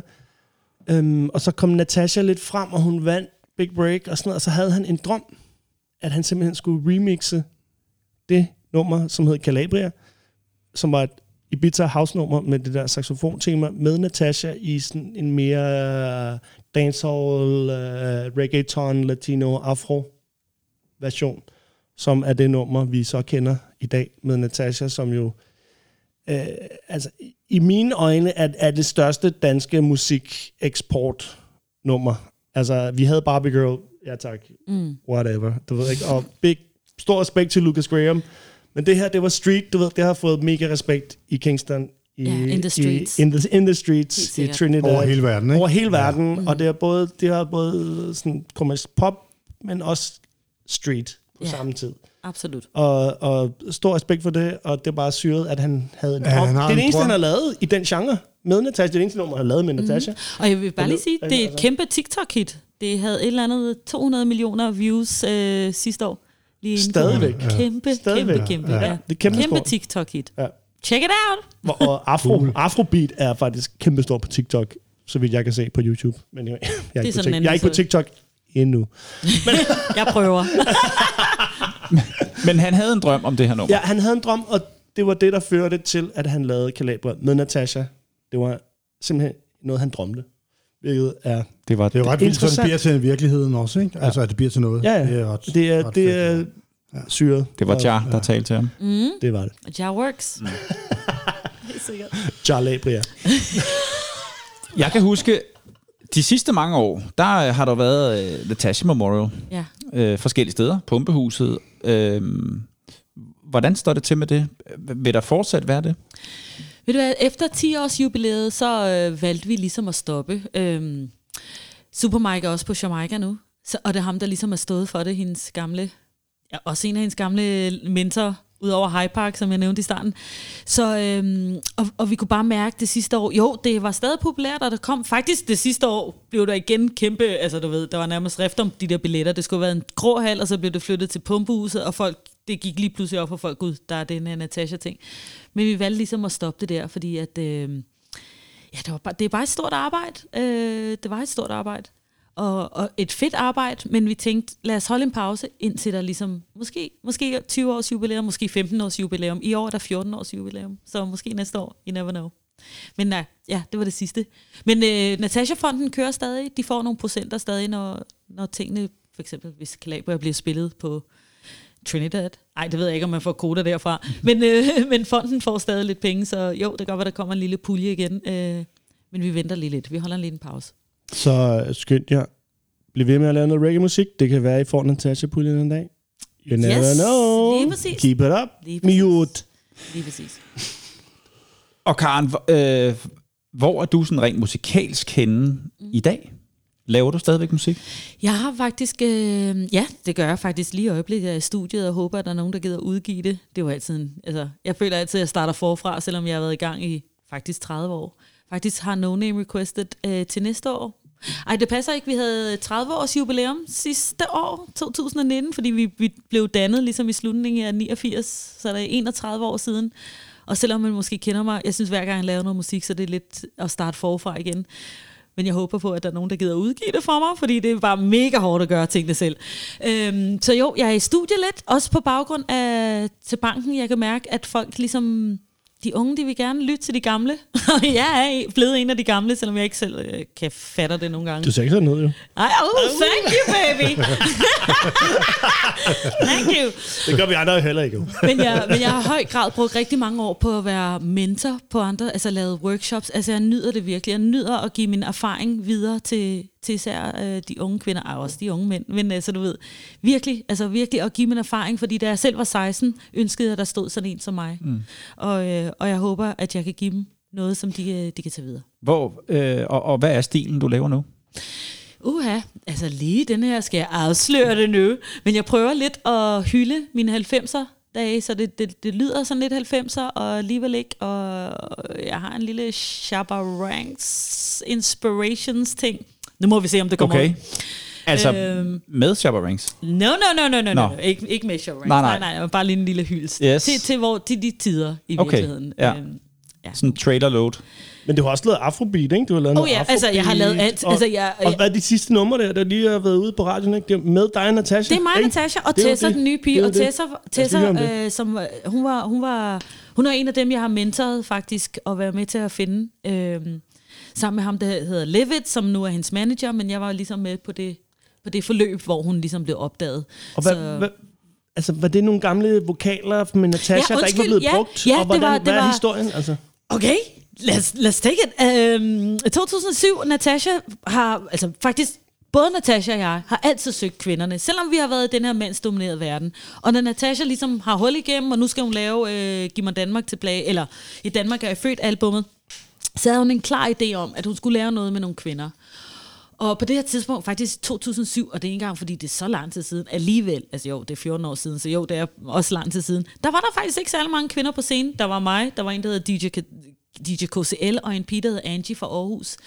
Og Natasha øh, opsøger os, og spørger, om vi har lyst til at være med på det her nummer til banken, og hun havde faktisk i lang tid drømt om at lave en sang, som ligesom... Øh, ja, en pegefinger til musikbranchen. Hun synes jo altid, hun er blevet overset. Hun har jo sendt demoer ind, og folk har bare tænkt, ah, Natasha, du er ikke, altså kan du ikke gøre det på dansk, og er du ikke bare lidt en, øh, undskyld, nu siger jeg det bare, et, altså der var mange, der troede i lang tid, at hun bare var et hashoved, der ikke kunne finde ud af noget. Altså du ved, øh, så, så hun havde bare lyst til at vise branchen, hey, vi kvinder kan godt. Så hun lavede det her nummer, og i virkeligheden var det så ikke færdigt. Det var et af de sidste numre, hun lavede, lige inden vi tog afsted øh, til Jamaica i 2007. Så planen var jo, at vi skulle komme tilbage og gøre det færdigt. Så da hun ligesom går bort, så tror jeg, farfar havde det her nummer. Hun, kunne- han kunne næsten ikke overskue det, Det var sådan et halvfærdigt nummer. halvfærdigt nummer. Ja, det var og sådan, ikke et helt nummer. Ja, nej. lige præcis. Og han synes, beatet var faktisk bold, et af Bolbys beats. Okay. Så farfar havde måske heller ikke helt hjertet med sig. Bare sådan, ja, ja, Natasha, vi kan godt lave det her. på det der beat. Ja, lige præcis. Og vi kan godt gøre det. Ja, ja, vi gør det bare færdigt, når, vi, når du kommer hjem. Så jeg tror i virkeligheden, da han sådan ligesom er i gang med at lave hans album færdig, så kan han næsten ikke overskue det her nummer. Og glemmer det lidt. Og, og så, men i alle årene har jeg virkelig prøvet, øh, eller ikke virkelig prøvet, men jeg har prøvet et par gange at ligesom skubbe til, hey, skal vi ikke prøve at få det her ud? Men har han ikke også lige udgivet et øh, nyt nummer med Natasha? Så er han nemlig blevet inspireret, og det er af det. så han nemlig, og nemlig netop måske fået overskud, og, og nu ligger Natashas øh, bortgang eller hendes død så langt væk fra hende, så han godt kan gå tilbage og grave i nogle af hendes ting. Og jeg er sikker på, at der er flere ting. Jeg håber, han har lyst til at grave lidt Hvad er det, det hedder, det nummer, der er ude nu? Hun lever, hedder hun lever stadig nede på en sydhavsø sammen Ja, med ja. Elvis og Bob Marley og Jimi Hendrix. Det hedder selvtillid. Det hedder selvtillid. Ja. Og apropos det der, øh, det ved jeg ikke, om jeg skal nævne, det må jeg klippe ud. Eller, jeg får en gang imellem nogle mails af især en, en fyr, men en- med et par stykker, som mener, at øh, Natasha er en ny Tupac, og jeg må da vide, hvor hun er henne. Fordi øh, det kan simpelthen ikke passe. Yes, det kan simpelthen ikke passe. Øh, jeg må vide noget. Og De er på hvorfor. den samme ø. Ja, lige de præcis. bor alle sammen på den samme ø. Altså, han har, de, de har sådan nogle, øh, de har set nogle ting, og de må, de, de kan, når de regner tingene sammen, så kan det ikke passe, Natasha er død. Og jeg tror bare, fordi hun er så larger in life, så det kan næsten ikke tro det. Q knows, Q knows. Yes. Q knows, ja. Q knows. Men det der nummer til, hvad, til banken, øh, kommer det ud også, eller hvad? Altså, til banken er jo ude. Det er ude. Og det var top 5, det har været top 5 i rigtig lang tid. Nå, det, men, Det er jo- så det er det vil sige både selvtillid og, Ja, og til banken Til er banken. ude. Jeg har kun hørt selvtillid. Nemlig, du skal så- høre til ja. banken. Ja. Den synes jeg Til næsten er lidt ja. for meget. Det var det. Det var, også, det var det største på radioen. Ja, det var det faktisk. Ja, det var- og, det og så må, måske så kan jeg så bare sige som bonusinfo, fordi at øh, originalversene, det var mig, Natasha, Angie fra Aarhus. Hun var med i noget, der Pimpalot Crew og DJ KCL.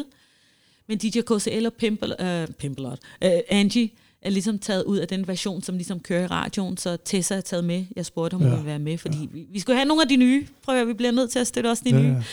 Ja. Jeg kan også godt støtte de gamle. Men der kommer en version øh, her 14. maj med det helt originale version. Ja, ja. Godt nok ikke med den originale, øh, originale musik, men med de originale vers, uden ja, at Ja, der er blevet ja. pillet ved. Fedt. Nice. Fedt. Men altså, det er jo, det er jo en fed måde at, at lancere det til et nyt publikum og have en af de nye med. Yes. Så it's all Absolut. good. Absolut. It's all Absolut. good. It's og, all, og Natasha ville selv have elsket det. Ja. Så, it's all good. Cool. It's intelligent. Øhm, tidligere der snakkede I lidt om, at de har jo, øh, begge to har jo filmet, Ja. øh, når jeg været på Jamaica og filmet Natasha. Og I sagde, at noget af det var ude i nogle dokumentarprogrammer på DR. Men alt det, I har filmet, øh, er det ude nogle steder, eller har I tænkt jer at lægge det ud, eller kan man finde på YouTube eventuelt, eller... Jamen, altså, øh, siden vi lige har haft en proces med at øh, gense alle de her gamle ting, øh, som er en anden historie, men øh, så kan jeg svare på dit spørgsmål, at øh, det er, som lavede den første dokumentar meget kort efter ulykken, øh, hvor de brugte meget mit materiale og filmede noget nyt og interviewede personer, blandt andet Karen. Det kan man finde på Vimeo.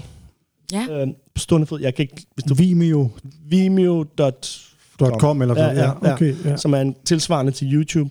Øh, der er en, en af dem, der har været med til at filme det, der har lagt det op. Øh, fordi jeg, jeg fandt det lige, den anden, lige øh, for et par måneder siden. Øh, der kan du finde den. Det er DR's øh, version.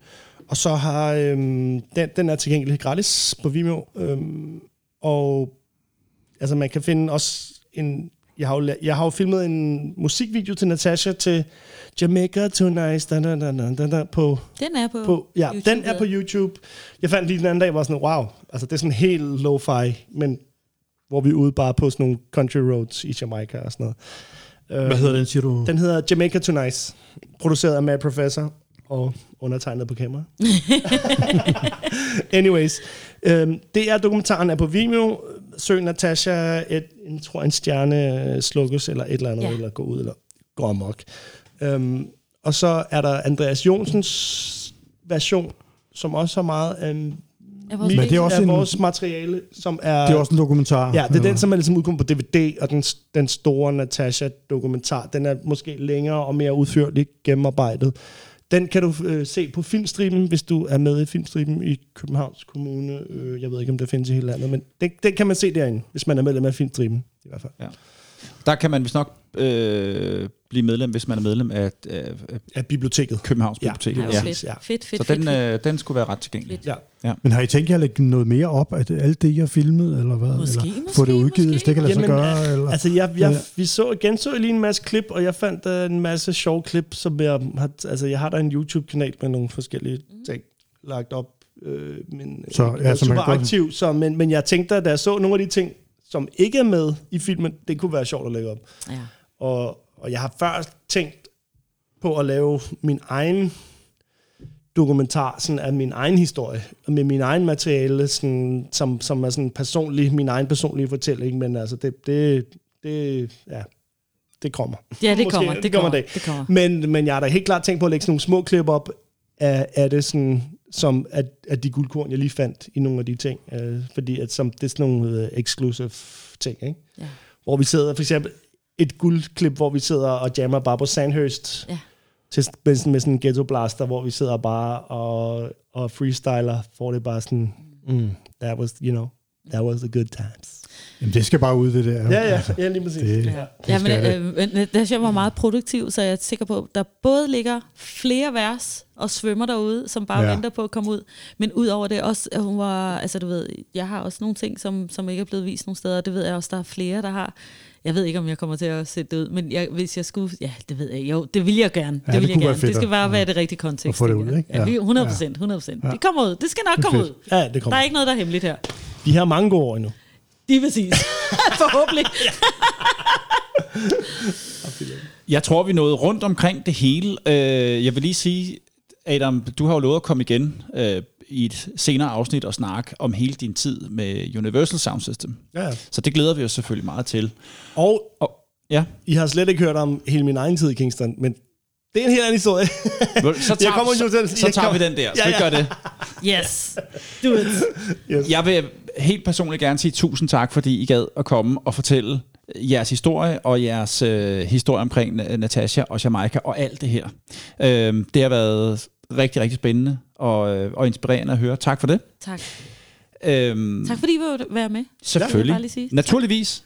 Og så skal jeg jo lige høre, om der er nogle steder, hvor at øh, alle vores lyttere kan følge jer på de sociale medier. Og Uh. måske høre noget af jeres musik.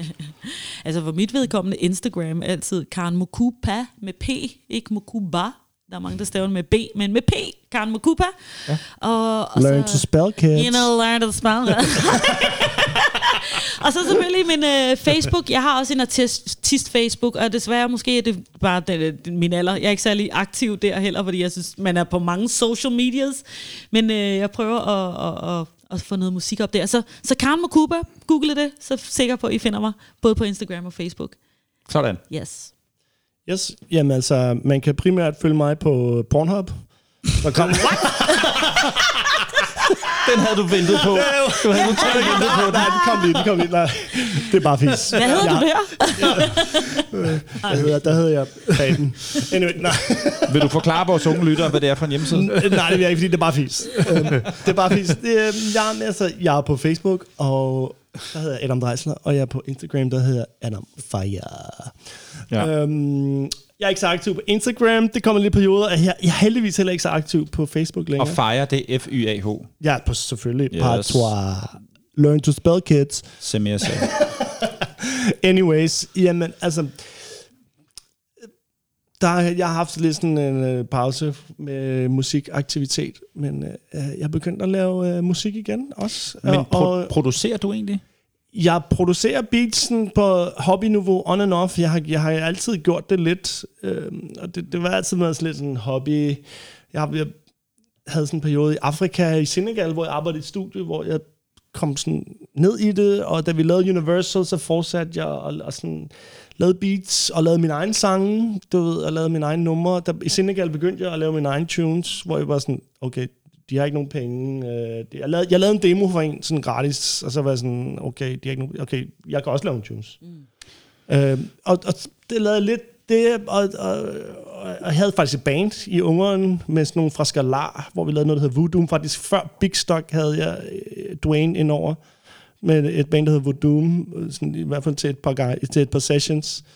Øh, og du ved, hvor jeg havde et fuldt band ude at spille med min egen sange i ungdomshuset, det gamle ungdomshus. Det var sådan lidt, det var sådan lidt øh, øh, skar og heavy metal musikere, der spiller reggae, så jeg var sådan lidt, okay, øh, sådan, er det ikke helt det rigtige, men det havde sin egen øh, rock-lyd, og de var her dygtige, så det, altså, i retrospekt var det faktisk ret fedt og unikt. Men dengang havde jeg sådan lidt, ah, det var sådan lidt, it's, it's weird. Skalar, det var øh, Adam. Var det ikke Esben, ja, Esben, Esben. Jo, var det ikke Sanger. Adam fra senere, der var med i Busbeateren, ham du tænker på? Nej, nej, nej, nej. Skalar. Nå, Altså, forsangeren- Adam fra øh, Øh, hvad hedder det? øh, Ras Adam. Guiding Star. Guiding Star. og, Ja, ja. Øh, Ras Adam. ja. Mm. At han var sangeren i det? Det er jeg ret sikker på. Det Nej, det ved jeg u- 100%. Det var Esben Kølster. Guys, Jeg ved ikke, om han var forsanger, men jeg tror, Jamen, han var med. Det jeg vil bare sige, det er så Karen. hyggeligt, men jeg bliver faktisk nødt til at løbe. Min din datter har fødselsdag, og du skal hjem til Ved du hvad, vi, vi, vi, vi runder den af her. Ja, it's all good. Øh, Men, men, men, jeg synes, skal blive jeg har lige en sidste ting. ja. Øh, jeg blev inviteret til at holde en tale, men der lavede jeg også et par numre ud til i Vandløse til Eternities event, som er du. DJ Johnson fra Youngblood Yes. og Tormod, Hold. som har studie ude i Vandløse, hvor Ja. ja. der også kommer en del. Øh, så, så, så der er jeg inviteret til først til at holde en tale, men så tænkte jeg, jeg har også et par numre. Så der laver jeg et par live events, et par live sange den 8. maj på internettet, fordi at øh, I må ikke komme, det er en privat event, I, kan ikke, I er ikke inviteret, What? sorry. I er inviteret på Facebook. Okay, I er, okay, I er alle sammen, dem der er her, I er inviteret til den fysiske event. Jeg var lige ved at blive. Nu, øh, nu øh, runder vi af, og så siger vi, at... Øh, gider du tage et, øh, et billede? skal jeg tage et billede mere? Med solbriller på, Ja, fordi så er det lidt mere. Et starbillede. Lars, du skal være med. Okay. Imens øh, at vi tager billedet her, så vil jeg lige runde af. Øh, I kan følge os på Instagram. Det kan I inde på den konto, der hedder Fra Kingston til København. Husk det. Og øh, ja, gå derind og kig på vores billeder, som vi, som vi lægger op. Altså, nu har I begge to solbriller på. Yep. Jamen, så er det jo real superstar. Murder. Murder, she wrote. Sådan. Fedt. Skal vi, skal vi, skal vi lige lave om Selassie? ja, vi skal lige lave Nå, I skal lave den Vi der. skal lave en Trinity. Yes. Sådan. Så skal I også huske, at vi udkommer øh, hver uge mandag, og det gør vi inde på Apple Podcast, Spotify, Google Podcast og på vores hjemmeside fra kingston til kbh.dk. Og det er vores gode ven Jonas Bæk, der sørger for at lægge afsnittene op der. Tak til dig, Jonas. Blup, blup, blup. Big up! Husk at øh, skrive til os, hvis, øh, hvis vi skal omtale dit event eller arrangement, så gør vi selvfølgelig meget gerne det. I må også meget gerne give os nogle stjerner inde på iTunes, og selvfølgelig også skrive en kommentar derinde, så vi kan høre, om I kan lide det, vi laver. Tak for nu. Tak fordi I lyttede med, og husk at fortælle alle omkring dig omkring vores podcast, så vi kan komme ud til endnu flere lyttere. Vi høres ved i næste afsnit af Fra Kingston til København på Genhør, og husk nu, at reggae skal ud til folket.